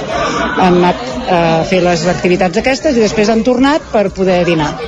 Han acabat del dinar, s'ha fet l'entrega de lliuraments i reconeixements dels sensims. Després del dinar de Germanó, que es va fer al pavelló Francesc Casart, a la tarda, com escoltàvem ara, es va fer una entrega de premis i reconeixements a persones i entitats que han assolit reptes relacionats amb els cims catalans, com ara les entitats que han superat les 2.000 ascensions durant l'any 2022, o bé les persones que estan iniciant-se en el món de la muntanya i han pujat els seus primers 100 cims, entre d'altres.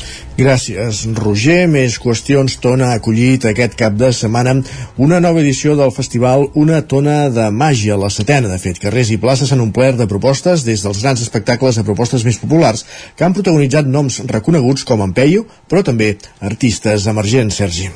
La Fira Màgica, un taller d'animació i la batucada animaven una gran part del programa d'aquest cap de setmana que ha omplert les places i els carrers del poble.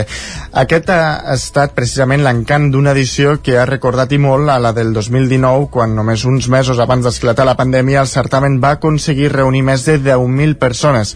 En parla el seu director del festival, Jordi Pota. Aquesta setena edició està anant molt bé, creiem que ja estem a prop de la quarta edició, el que va ser la quarta edició, que va ser la prepandèmia, que va ser espectacular, van venir 10.000 persones amb el Juan i altra gent que va ser molt molt heavy però crec que estem bastant a prop crec que estem bastant a prop. I els carrers espectacular espectacular, per exemple ahir mateix el dissabte eh, va ser un moment que hi havia 500 persones a la plaça Major més de 500 persones, estava tot ple. Al mateix moment hi havia la canal plena amb la gala internacional i a més a més un altre punt off ple també 250 persones, vull dir, va ser 3 punts plens a rebassar de més de lo que normalment eh, hauria de ser no obstant això, la joia de la corona del programa han tornat a ser les gales internacionals. Jordi Pota. Bueno, la, la perla del festival sempre és la gala internacional són uh, sis artistes, entre el presentador i cinc artistes més internacionals, que hi ha diferents tipus de maneres de fer, i són 6-15 minuts cada peça d'aquest artista que ve i ens fa una delicatesa que ha estat elaborant durant anys i anys i anys i fent també internacionalment durant anys i anys i anys. Per tant, aquesta seria la perla de cada edició. L'espectacle que va posar punt final al programa va ser l'il·lusionista d'Empeyo. Dani Polo, Gonzalo Albineana o Doble Mandoble són alguns dels artistes de reconeixement internacional que aquest cap de setmana també han fet parada a Tona. I el fotoperiodista del 9-9, Marc Senyer, ha obtingut el premi de la, a la millor fotografia del 2022 en els guardons que lliuren l'Associació Catalana de Premsa Comarcal, Sergi. La fotografia retrata el drama de les famílies trencades per la guerra d'Ucraïna i que s'exilien amb la resta amb la trista separació de pares i fills. Marsanyer va recollir el guardó dissabte a Sant Cugat en el marc de la convenció de l'Associació Catalana de Premsa Comarcal.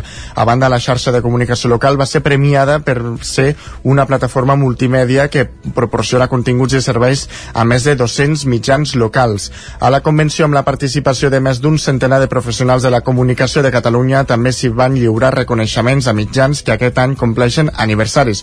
Un va ser el 9-9, que celebra els 45 anys, i també va recollir el diploma al Tots de Balanyà, que celebra el cinquantenari. L'Associació Catalana de Premsa Comarcal ha decidit per unanimitat renovar el mandat de la Junta que encapçala Francesc Fàbregas. Gràcies, Sergi, que aquí aquest repàs informatiu que començàvem al punt de les 10 en companyia de Sergi Vives, Isaac Muntades, Roger Rams i Pol Grau. Moment de saludar el nostre home del temps també, en Pep Acosta.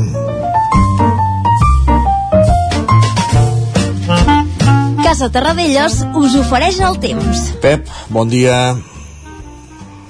Molt bon dia. A mesura que, que avanci la tarda, les tempestes avançaran de nord cap a sud.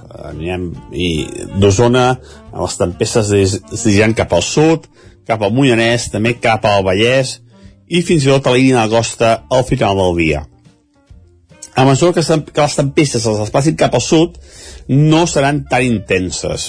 Jo crec que deixaran menys de 10 litres. Però bueno, eh, són tempestes molt, molt puntuals, eh, no és una precipitació general, i per tant eh, poden sorprendre eh, i poden deixar una quantitat de litres bastant important eh, en alguna zona i a pocs quilòmetres deixar poca precipitació Mm, veurem, veurem què acaba passant i veurem on plou més o on plou menys, eh? però clar, són tempestes irregulars eh, mm, eh, molt locals i veurem, veurem on deixen més litres i on deixen menys demà farem un repàs de tot plegat eh, a mesura que s'acosti aquest front entrarà vent de nord, vent més fresc i farà baixar la temperatura. Avui ja no serà tan alta com ahir. Ahir eh, no hem valors eh, superiors als 25 graus a moltes zones, per tant es notarà ja aquesta baixada de temperatures avui.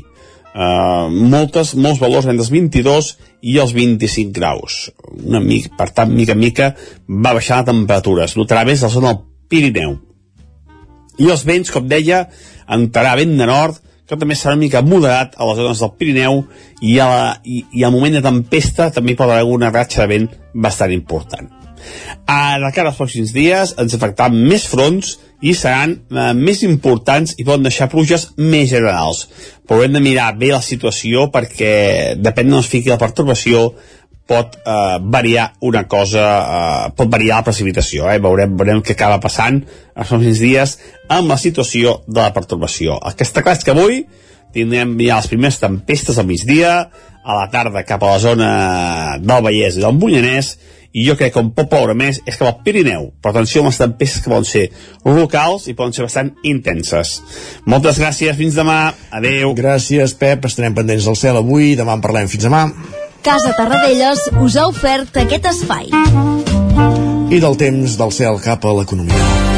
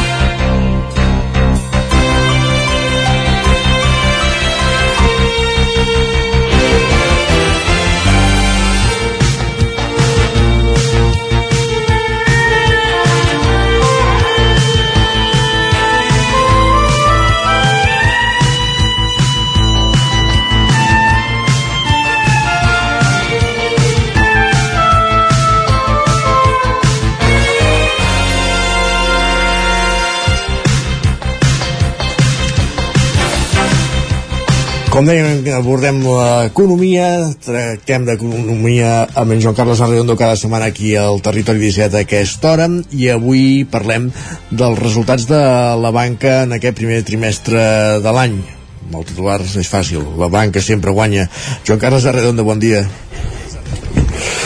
guanyen gairebé tots Exacte. de fet és, eh, sembla que Banc Sabadell ha, ha dit que, que, que no li havien anat tan bé les coses Pobrets. de tota manera eh, teníem hi havia, sempre hi ha expectativa eh, pels resultats de, de les empreses que, que cotitzen a borsa perquè hi ha molta gent que té accions i necessita veure l'evolució però aquest any diguem-ne que eh, els resultats del primer trimestre tenien el punt d'interès de, de calibrar l'impacte de l'impost extraordinari sobre els interessos i comissions eh, de la banca eh? Eh, doncs a la vista dels resultats es pot dir que aquest impost ha provocat almenys en aparença aquells efectes devastadors que el relat, eh, la narrativa ara, ara, ara ja, ja hem passat del, del relat a la narrativa ara és narrativa doncs això, eh, les, sí, les principals entitats eh, d'estalvis i els seus curistes, eh, normalment gent molt gent més poderosa, no?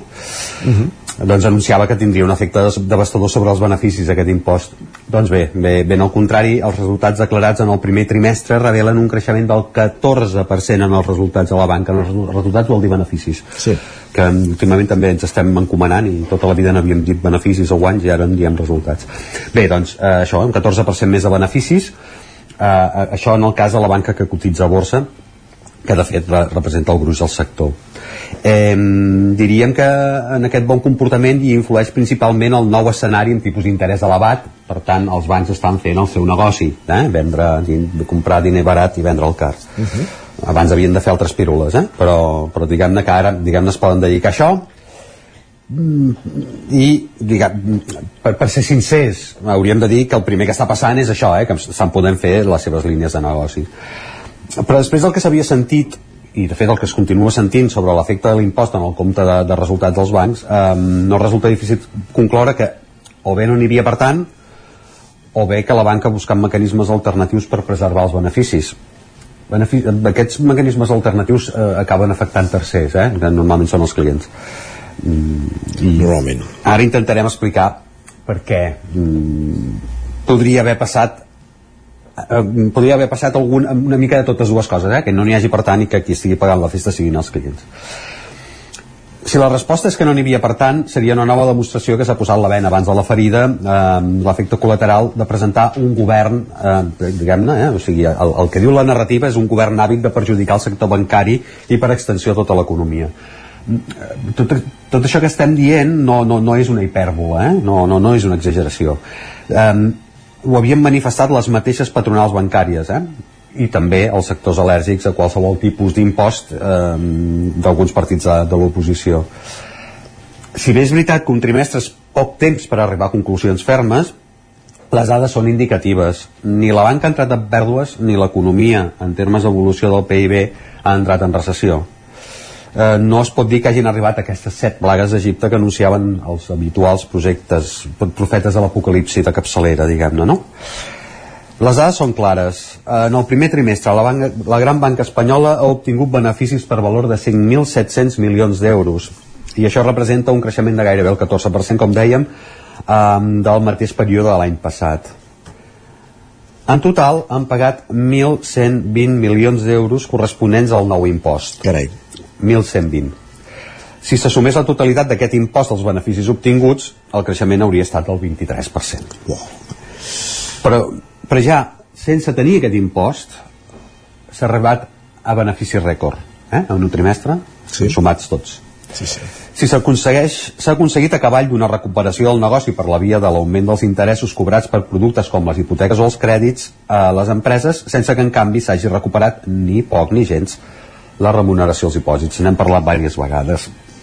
El resultat de tot plegat és que el marge per interessos ha pujat més de 4.000 milions d'euros en un any, fins a arribar a 19.000 milions d'euros. Eh, en el període amb tipus d'interès baix, la manera que va trobar la banca per compensar la frenada del negoci va ser aplicar més comissions. Quan els interessos han començat a pujar, les comissions s'han mantingut, de manera que també computen en els resultats favorables eh, una bona part dels 6.000 milions d'euros que han ingressat per aquesta via en un trimestre. Aquesta xifra suposa un increment del 7% respecte al mateix període de l'any passat. S'ha de dir, en benefici en benefici mai millor dit de la, de, de la banca eh, que, aquest, que seria injust eh, aclarir, no aclarir que la majoria s'ha aplicat en l'operativa internacional eh, no en els clients eh, nacionals eh, sinó en els internacionals. Això també s'ha de dir. De tota manera un 7% més de comissions. Les crítiques a la banca a l'impost que d'altra banda també han portat als tribunals, eh? vull dir, tot això s'està ara per decidir, Um, doncs aquest, eh, les crítiques parteixen de la constatació que ha estat en el moment en el qual el mercat recuperava una normalitat perduda que s'havia perdut durant gairebé tota una dècada de tipus d'interès zero doncs en el moment que recuperava aquesta operativa normal ha hagut de sortir el govern de tornar a tallar les ales del creixement. Tan cert és que la banca ha tingut limitat el, bar, el marge de moviments eh, durant aquest període de tipus d'interès baix com que en tots aquests anys ha obtingut resultats positius, eh? no, no, no, no tenim coneixement que la, la banca hagi entrat en pèrdua, no pas. i també, en, sobretot en els últims anys, ha fet repartiments generosos de dividends. I tan cert, també, com que ha tingut eh, sota els peus una catifa vermella per avançar en un procés de concentració que ha tingut un sponsor públic. Eh? Aquest sponsor públic ha sigut s'ha constatat en un rescat multimilionari del qual, també ho hem explicat altres vegades, no s'ha recuperat ni tan sols el 10%.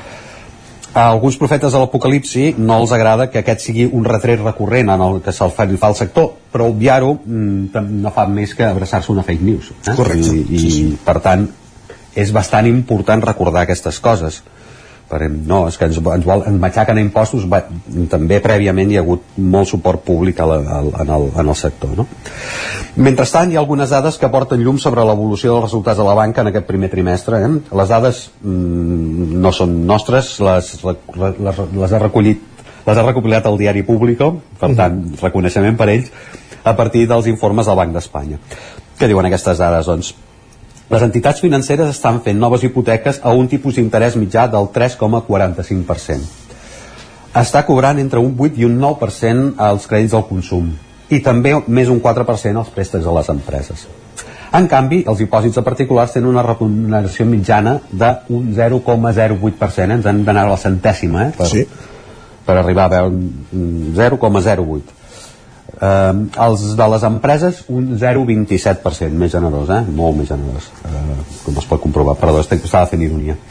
El diferencial aquest entre aquest 0,08, 0,27 amb el 8-9%, 3,45 a les hipoteques, diguem-ne, és la clau um, perquè sumats a les comissions um, diguem-ne, arribin a aquests 5.700 milions d'euros de benefici capçalats per cert pel Banc Santander 2.251 milions un 1% més de guanys que l'any passat que era el seu rècord en un primer trimestre el BBVA no, no, no anirem la xifra, eh? puja un 39% CaixaBank un 21% i només el Banc Sabadell i Unicaja han vist reduïts els beneficis i podrien culpar el nou impost si no fos perquè l'entitat andalusa Unicaja ja arrossega problem, altres problemes eh, algun dia en podem parlar eh? correcte Davant d'aquesta situació, el president de l'Associació d'Usuaris Financers, eh, Antonio Luis Gallardo, està clarament decantat de, de, de, de la banda dels, dels clients, eh, hauríem de dir-ho, eh? però sí.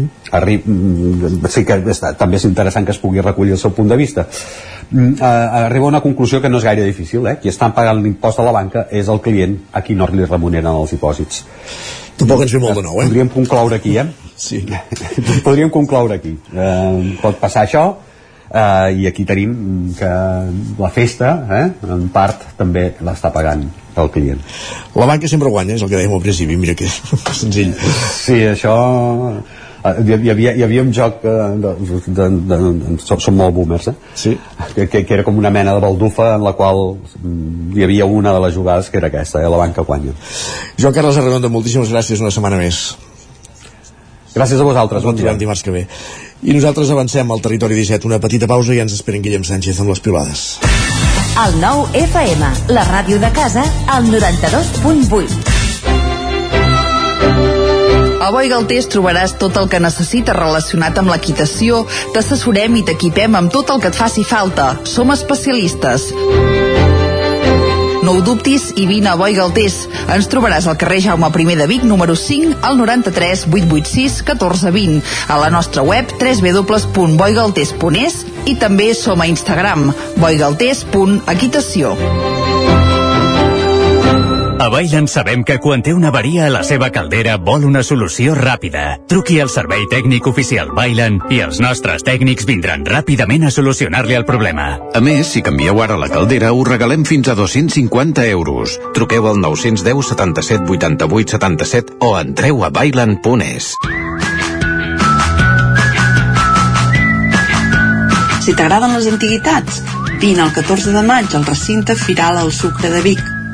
A la descarregada de Vic hi trobaràs mobiliari, objectes de decoració, peces d'art, joies, eines, llibres, etc. Descarregada d'antiguitats de Vic. Diumenge 14 de maig. De 8 al matí a 2 del migdia. Sorteig d'un obsequi entre tots els visitants. No t'ho pots perdre. Ser a prop vol dir veure les coses més bé. Apropa't al que t'interessa amb la xarxa Més. La teva plataforma audiovisual de qualitat, proximitat i gratuïta. Gaudeix dels continguts de més de 30 televisions locals i podcast quan, com i on tu vulguis. Entra a la xarxa més.cat i descarrega't l'app. Cocodril Club. Si t'agrada la bona música dels anys 60, 70 i 80, escolta el 9 FM als matins de dissabtes i diumenges d'11 a 1. És el temps del Cocodril Club, tot un clàssic de la ràdio, amb les bases del pop-rock, les llegendes, les cançons que s'han convertit en autèntics himnes. Recorda, dissabtes i diumenges al matí, d'11 a 1, al 9 FM 92.8. Cocodril Club, el programa revival de l'Albert Malla. Hasta luego. Bon dia, són les 9 al Territori 17. La Miquel Parella. Cada matí i durant dues hores t'acompanyem i et posem al dia de l'actualitat de casa nostra. Potenciant així l'autonomia En aquest cas, mala peça al taler si no... cursos per feminitzar el pensament masculí. Territori 17, el magazín matinal d'Osona, el Moianès, el Ripollès i el Vallès Oriental. Que la meva àvia de 93 el anys... 9 FM, el 9 TV, el 99.cat i també els nostres canals de Twitch i I YouTube. demà per fer-se un tatuatge. Cada matí, Territori 17. Ole. Anuncia't al 9FM. La màquina de casa. 9 3 8 8 9 4 9 4 9. Publicitat arroba al 9FM.cat. Anuncia't al 9FM. La publicitat més eficaç.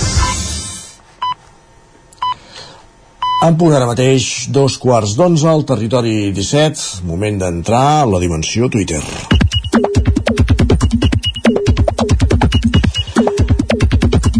I en aquesta dimensió que ens hi trobem cada dia és en Guillem Sánchez, que ja el tenim assegut a l'estudi i als estudis del 9FM. Guillem, benvingut, bon dia. Què tal? Bon dia, bon dia. Què has trobat a Twitter? Doncs mira, gent que creu que el temps passa massa ràpid, gent que no li agrada que no la tinguin en català, per exemple, en els, en els llocs, si et sembla comencem a repassar una mica aquestes, aquestes piulades. Ja, va, som-hi. Atenció a la pregunta que ens planteja la Carla, només començar el dia. Diu, com pot ser que ja sigui 9 de maig? Us juro que no porto bé que el temps passi tan ràpid. Doncs mira, Però és que no estem ni a la, pensa, pensa que demà serà 10 de maig. però és que no estem ni a la meitat de l'any i la gent ja, ja pensa que el 2023 es deu haver acabat o que anem ja pel camí de Doncs vacances de encara ha de, Nadal. o- ha de ploure molt. ha de ploure molt, sí, i més aquesta setmana i, i aquest mes de maig, esperem que sigui així. Va, el que jo sí que no porto bé és el que ens comenta la, la Núria en el següent missatge. Ja què diu la Núria. Ens diu, a Barcelona, dos punts. Hola, em pots posar un entrepà de pernil salat, si us plau? Resposta, una ensalada? Aquí, mira, pedagogia, no?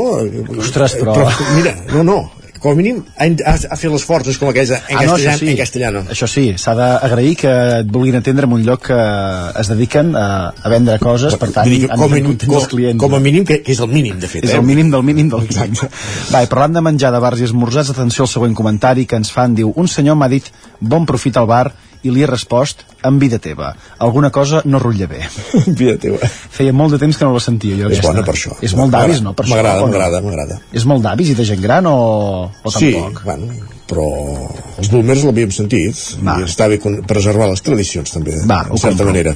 El que no va massa bé, però, a Catalunya són els transports públics. Per No, això, no. l'Eloi li dedica una felicitació a una persona molt especial A aquest veure, matí. Eloi, va. Diu, maquinista que li he aixecat el braç i m'ha obert les portes. T'estimo. veus encara queda gent bona abans, eh, abans hem llegit alguna filall de Twitter algunes diferències que va tenir a Twitter l'usuari de Centella Jordi Valls habitual a la secció de la R3 mm. amb un maquinista que el va respondre per Twitter vull dir que imagina't que qui vulgui també que ho pugui recuperar els, els maquinistes també són a Twitter eh? i també són persones, vinga va i moment d'obrir un mini debat que ens planteja l'amic ens diu m'agrada netejar o és que netejar em calma gran part de l'ansietat deu ser la segona això sí. passa, que hi ha gent que es posa nerviosa i per calmar-se neteja? Oh, esclar no és millor anar a fer un vol i deixar-ho per netejar quan, quan tornis? però anar a fer un vol i netejar comparteixen una cosa que, és, que són activitats i per tant l'activitat eh, relaxa o et fa oblidar altres coses que et fan enfadar, que et fan amoïnar que...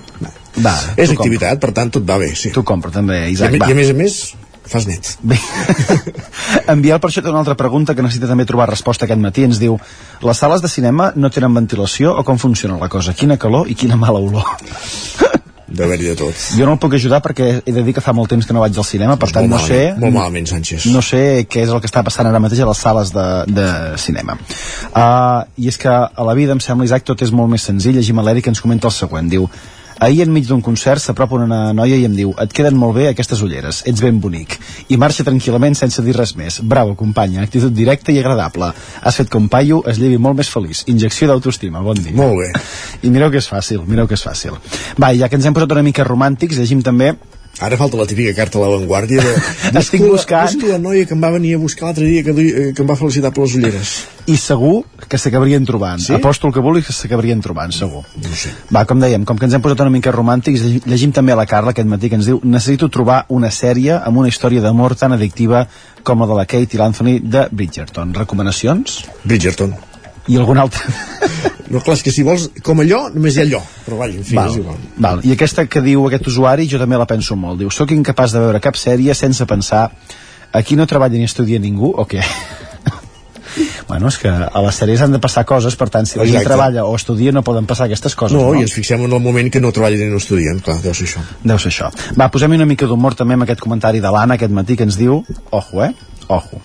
Diu, al meu darrere caminen un grup de vídues que parlen de com es van morir els seus homes. I una conclou, doncs no sé per què ens diuen el sexe dèbil.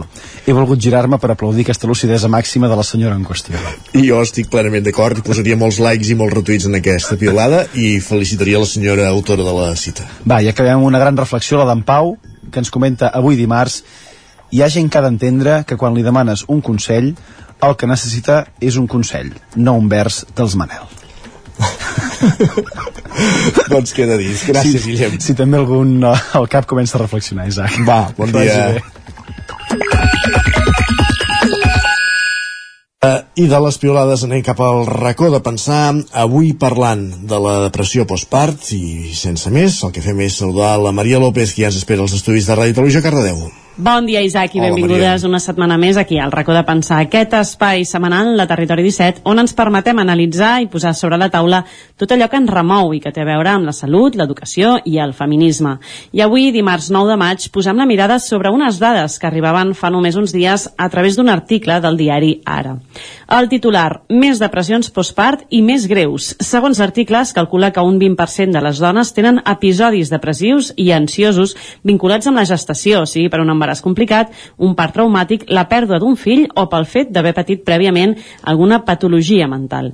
La unitat de salut mental perinatal del Clínic, pionera al sud d'Europa, ha visitat ja més de 1.800 dones en 5 anys de funcionament. Xifres que no deixen indiferent i que segurament durant molts anys s'han ignorat darrere d'aquella frase de és normal, són les hormones. Per això avui, sobre la taula del racó de pensar, parlem de la depressió postpart. El racó de pensar, a Territori 17.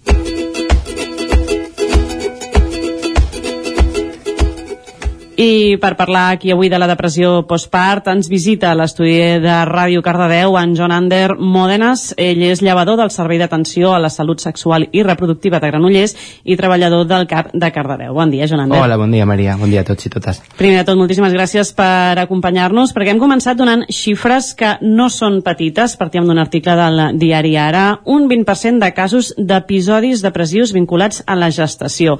Són xifres molt elevades, el que no tinc del tot clar és si si encara queden masses més casos que passen desapercebuts o això ara ja està fet amb Molt més... probablement. Ara tenim posat el focus no? també sobre la salut mental, però mm, tota l'evidència el que ens està indicant és que podria arribar fins a un 30%, eh? quasi una tercera part de, de les dones podrien patir una depressió postpart. O sigui, d'alguna manera són xifres que ja existirien, només que passen desapercebudes, potser darrere d'aquest que dèiem abans de quasi normalització del fet de la depressió, sí, no? Per una banda, el, el context uh, cultural no? i el marc en el que ens, en el que ens estem movent uh, no facilita la detecció. Uh, per una, jo crec que sí que darrerament sí que s'està parlant més de, de salut mental, però encara ens falten eines i ens falta una cultura que ens ajudi sobretot a la part de la prevenció, no només a la detecció i el tractament.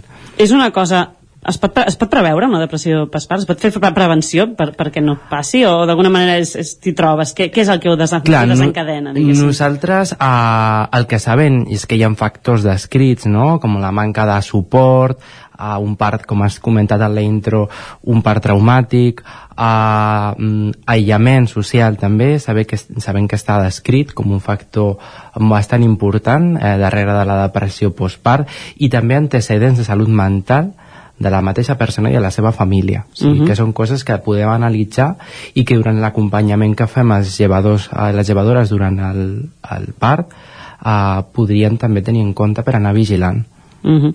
De- D'alguna manera, com, com detecteu vosaltres? És a partir de que una mateixa persona és conscient i us expressa la seva, la seva situació anímica? Perquè suposo que hi ha moltes dones que, que deuen pensar, és normal, no? Això són les hormones, després del part i tal. Fins a arribar a vosaltres i expressar-ho, deu haver tot un procés aquí. Nosaltres ja tenim des del 2018 protocolitzat eh, a l'ICS, eh, tenim en, dintre del protocol de seguiment de l'embaràs eh, l'aplicació d'un instrument, eh, d'una escala diagnòstica validada per detectar alteracions a la salut mental, que és el test d'Edimburg, i que ho apliquem diverses vegades durant la gestació.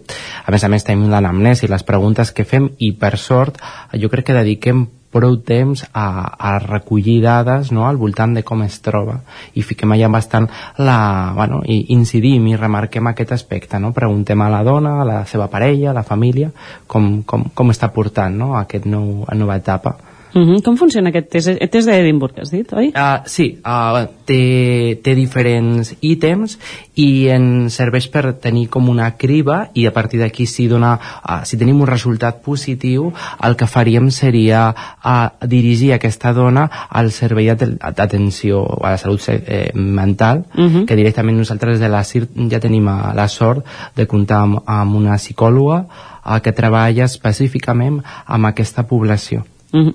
Si d'alguna manera a través d'algun test d'aquest tipus eh, vosaltres detecteu una persona doncs, que, que podria ser que acabi derivant o esteu com una mica més alerta, fa una derivació directa, parleu amb la persona, la persona com, com ho rep d'alguna manera? Que nosaltres, eh, jo crec que és una barreja, no només eh, tenim la part més freda, que és l'escala, sinó que, a més a més, nosaltres ja sospitem, no?, i, i anem una mica dirigint a, a la dona, no?, eh, o dirigint no seria bé la paraula. Seria més bé quan tenim una sospita de que està passant alguna cosa de que, de que ja tenim indicis de que s'està complicant la situació eh, nosaltres oferim obertament a la dona fer no, aquesta, eh, bueno, respondre a aquestes eh, preguntes i després oferim I independentment del, del resultat, el resultat és important, però si la dona està expressant un malestar, si la dona vol fer uh, aquesta derivació i rebre aquesta atenció, nosaltres som els primers que intentem que sigui ràpid, no? que l'atenció no, no s'allargui massa. Mhm. Mira, he buscat algunes afirmacions que he trobat en referència als, a la depressió postpart en diferents articles que volia comentar amb tu. A veure, d'alguna manera, si estàs d'acord amb aquestes afirmacions i veure. les podem comentar una miqueta. La primera seria, moltes mares amb depressió postpart tenen dificultats per sentir l'emoció i il·lusió que elles esperen sentir pel seu nadó. Em sembla molt interessant el que m'estàs dient, Maria, perquè realment a tota l'expectativa que hi ha al voltant del naixement de la criatura, jo crec, i ho dic a, de manera personal, eh? però crec que no ens facilita gaire la l'adaptació a, a aquesta nova etapa perquè sobretot és una adaptació la que s'ha de viure i la que s'ha de, uh, s'ha d'experimentar i el fet de tenir unes expectatives positives són poc realistes no? i jo crec que mm, tothom sabem que quan una expectativa no és realista, quan és massa positiva uh, potser tenim bastants opcions de patir, no? d'experimentar de, patiment. Uh -huh, D'alguna manera és la, la, la mm, idealització no? d'una situació que després si no es dona així genera frustració de manera automàtica. Correcte, partim de que socialment s'està... Bueno, uh, venim al, al part i la, el naixement de la criatura con una situació idíl·lica, una situació plena de, de coses, d'aspectes positius, però no som receptius o no ens agrada a parlar de, de les aspectes no, di, no diré pas negatius, però sí complicats, no? As, mm -hmm. aspectes, reptes que tenim i fins i tot avui mateix a la consulta una, una parella em deia és que ningú m'havia preparat clar, com preparem nosaltres a, també aquesta pregunta la faig a mi mateix no? com preparem nosaltres a la parella per, per fer aquest, aquesta transició uh -huh. cap, a, de, bueno, cap a la paternitat, cap a la maternitat no? Hi ha una altra afirmació que potser ha una mica lligada per aquí, que se suelen tenia preparada, que diu la idealització de la maternitat no ajuda a que les mares deprimides demanin ajuda. Sí, tenim la resposta a la primera afirmació, no? Eh, sí, evidentment, uh, la idealització, uh, el, el, el, la manca de realisme no ens ajuda, no ens ajuda evidentment ens dificulta sobretot perquè eh, també hi ha un altre factor que volia comentar, no sé si vindrà una altra afirmació però eh, les dones i les parelles, però sobretot evidentment les dones tenen molta por al part encara uh mhm. -huh. tenen molta por eh, que jo crec que està molt influenciada a nivell cultural i que evidentment eh, està bastant justificada no, d'alguna manera per, però és tan poc, jo crec que els hi costa o ens consta a nosaltres com a professionals fer-los arribar la informació al voltant d'aquest moment que serà el postpart no? Uh -huh. o sigui, tota, la, tota aquesta informació i formació que nosaltres fem uh, durant les, uh, les, les classes per a part, durant totes les sessions que tenim organitzades uh, no, no arriben de la mateixa manera quan parlem del moment del part que quan parlem de, del, de, que ve després, del que ve després, correcte. Mm -hmm. sí, sembla sí. Que, es, que es queda allà, no? Estem sí. tots concentrats en eh, la culminació de... de... És com un forat negre que absorbeix tota la, no, tota la informació i tota l'atenció. Uh -huh. Sí, i el després doncs es queda amagat, no? Es queda en pausa. Jo diria que es queda en pausa. És com la, la, la informació allò que es queda, com dius, no? en pausa, que es queda amagada, ens centrem només en el moment del part i després quan et trobes allà és quan d'alguna manera dius, ostres, això clar. ningú ens havia preparat, no?, que et deien aquesta parella aquest clar, matí. Clar, clar, evidentment, jo crec que hi han coses que preparar com a tal, eh, eh, o sigui, no depenen potser tant de preparar-te, de fer un exercici eh, voluntari de preparació, però sí tenir, te, treballar la comunicació amb la teva parella, com serà després, visualitzar, organitzar com fareu les coses, quin tipus de suport tindreu, les visites, tot allò que ha de passar, uh mhm. -huh. doncs com a mínim la part que podem preveure l'hauríem d'organitzar una mica, no? Uh mhm. -huh. L'hauríem de tenir parlada i la comunicació amb la parella jo crec que és un factor fonamental. L'equip entre la, no, de, de la dona i amb la seva parella és una part molt fonamental i ja sabem encara quines dificultats existeixen moltes vegades en les relacions i en la comunicació o sigui que si això passa amb tot, doncs amb una criatura encara, Clar. encara... A més, jo crec que a més hi ha un factor que segurament s'afegeix en aquest eh, buit que dèiem després, que és i, i sobretot amb el concepte de l'equip, no? que és que un no compta potser amb l'esgotament, amb Correcte. el nivell d'esgotament físic, mental, que pots tenir sobretot al principi quan hi ha un nadó a casa que requereix una atenció de moltíssimes hores al cap del dia, un pot tenir molt bones intencions, no? però, però quan el cos no et respon perquè està esgotat, suposo que a vegades aquestes bones intencions es poden diluir no? i es fa tot més difícil. Evidentment, a nivell de, de salut mental en general, uh, la privació de, del descans és un factor agreujant i un factor que pot uh, produir o afavorir uh, que la persona desenvolupi una alteració no? en aquest sentit. Per això que, uh, clar, evidentment, una criatura que comporta una demanda de recursos, sobretot de la mare i sobretot si hi ha un alletament mater uh, tan, tan, tan, tan enorme uh, pot suposar no, uh, l'inici d'un episodi d'aquests, sobretot si hi ha una manca de suport no? Però sí, sí que evidentment no estem parlant d'una situació normal, sinó de que hi ha un estressor que és tan important com la manca de, del descans. Sí. Mm -hmm. Més enllà d'aquesta, d'alguna manera, aquesta idealització de la, ma, de la maternitat, creus que d'alguna manera l'autoexigència que, que hi ha al voltant de la maternitat, no? Sembla que tothom vol ser la mare perfecta o el pare perfecte i tothom es fa un fart de llegir llibres i més llibres sobre com s'han de fer les coses. És una pressió afegida d'alguna manera que pugui eh, desenvolupar més situacions en aquest sentit. Evidentment, sí, sí. Em sembla molt interessant precisament a, a alliberar-nos del judici i, per, i, i, i concretament en aquest moment tan estressant eh, seria molt important com a societat intentar no jutjar eh, com, com materna no? a altres persones ajudaria a que la dona que està maternant i que està criant sí, se senti més lliure també per poder desenvolupar uh, bueno, la seva criança com vulgui, com pugui, amb els recursos que tingui i sense jutjar-se, o no jutjar-se massa, no? Uh Mhm. -huh. Potser no arriba a aquest punt tan, tan d'exigència tan alta. Potser es tracta més de més sentit comú i menys llibres, no? Per dir-ho d'alguna sí, manera, no? Sí, ara tenim moltes eines, tenim molta informació, uh, però no podem processar, evidentment, tot aquest volum, no? I jo crec que sí que hem de tornar al seny i també uh, al professional de referència hem de ser accessibles, Mhm. que jo crec que ja, mm, ja ho aconseguim, eh? però hem de, evidentment hem de, podem millorar, ser accessibles perquè la persona, la parella, la dona pugui adreçar-se a nosaltres i demanar ajuda quan ho necessiti. Uh -huh. Tinc una última afirmació, a veure com la veus aquesta. Diu, quan una dona diu que en algun moment s'ha penedit de tenir les seves criatures, se la penalitza. No podem parlar lliurement del que sentim durant la maternitat.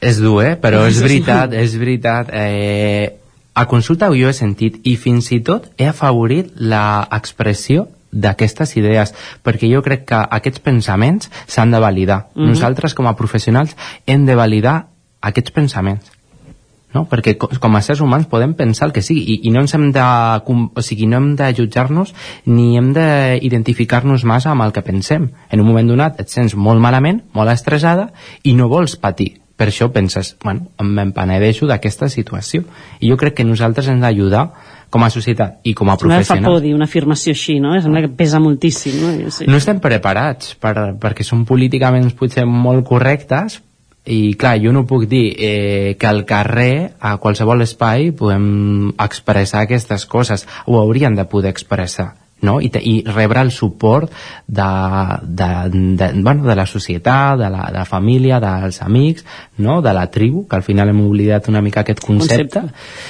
i, i tornar bueno, a, a, a sentir seguretat, no? perquè aquesta persona el que vol és sentir contenció, és que, ostres, que estic patint, aquest és el missatge, no? i hem d'acompanyar, no podem jutjar. Uh -huh. Tinc més dades, eh, en aquest eh, cas es tracta de la, des d'un article de criar.cat que afirma entre un 50 i un 80% de les mares experimenten baixada d'ànim, tendència al plor o a canvis d'humor després de parir. Com es defina aquesta línia entre el que podríem diagnosticar com una depressió postpart i aquesta d'alguna manera situació doncs, potser més comú d'alteració mm, sense- no sé, no sé quin títol li hauríem de dir eh, a nivell Clar, clínic? sí que té, té un nom, el maternity blues o la, o la tristesa puerperal està descrit com, Com l'has dit, ma- maternity blues? blues, sí, o la tristesa puerperal està és definida fins i tot maco el nom, de veritat. Sí, sí, sí, en anglès però- tot sona molt sí, millor, Sí, eh? queda molt elegant.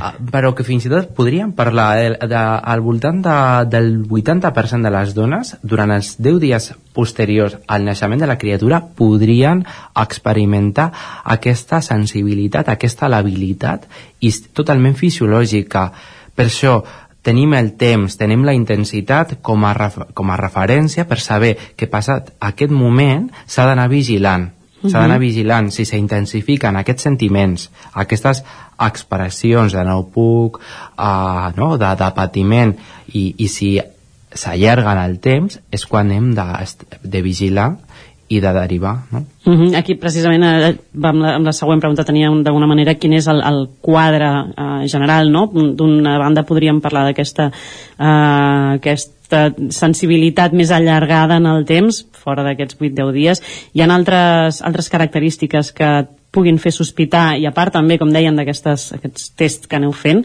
hi ha algun quadre que vegis molt clar que es pugui diagnosticar o que vegis ja clar així, aquí ja parlem d'una depressió Clar, el, la depressió, el, el, el DSM, um, l'últim manual, uh -huh. de, descriu la depressió uh, sense um, diferència um, gairebé de la depressió postpart. Vale. I sí que és cert que és complicat. Per què? Perquè si jo ara et dic insomni, quasi cada dia.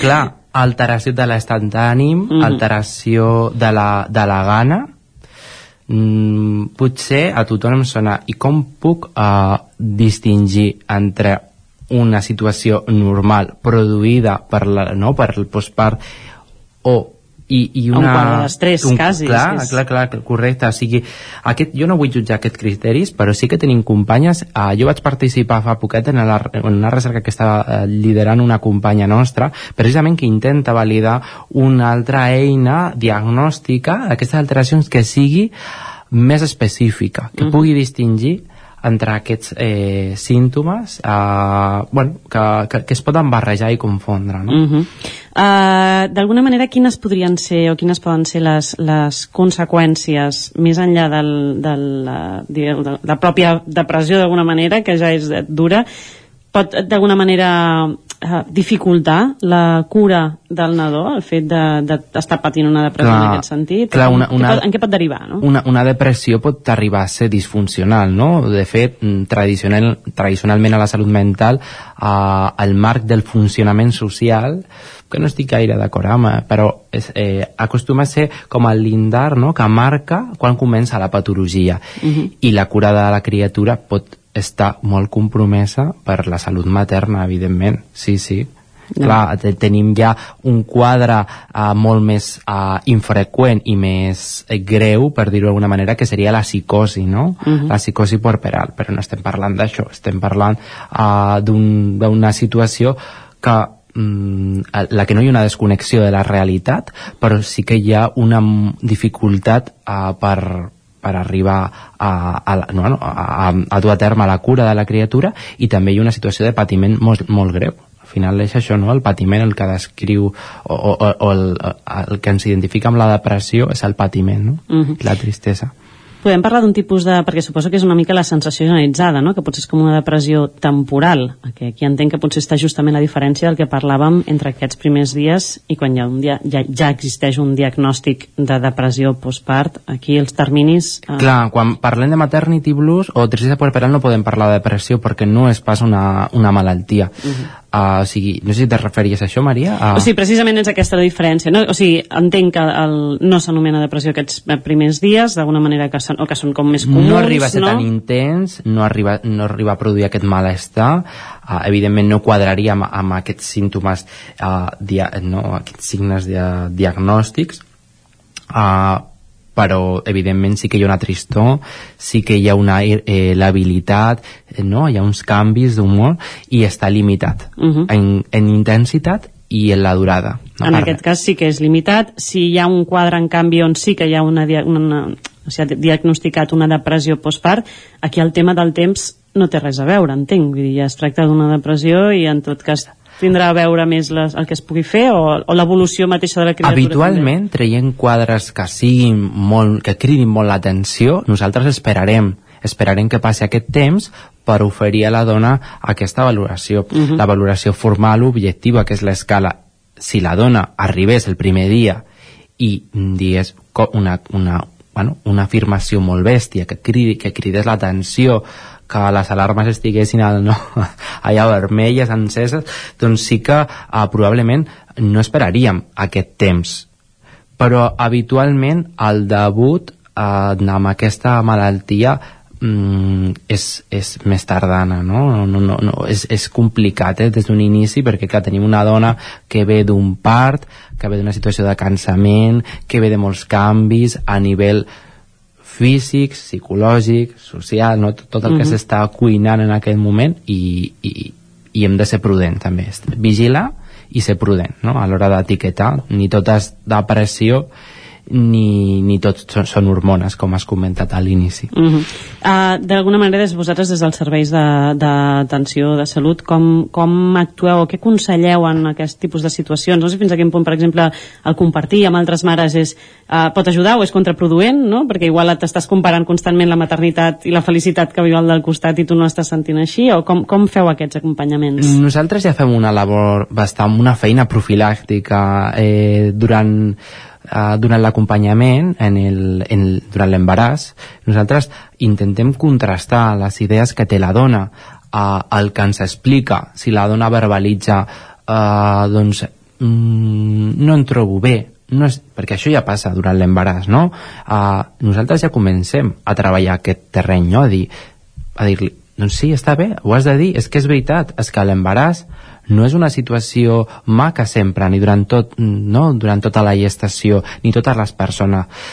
Treballem també aquest, aquest mm, espai de, de seguretat i treballem a les expectatives i, i, i durant a les classes prepart ja parlem concretament d'aquesta situació i fins i tot en el postpart organitzem, que jo crec que és super important, uh, organitzem un grup de trobada entre dones, liderats, acompanyats, més bé, més acompanyats que no pas liderats, per, per, per llevadores, no? Uh -huh. que, que treballem a...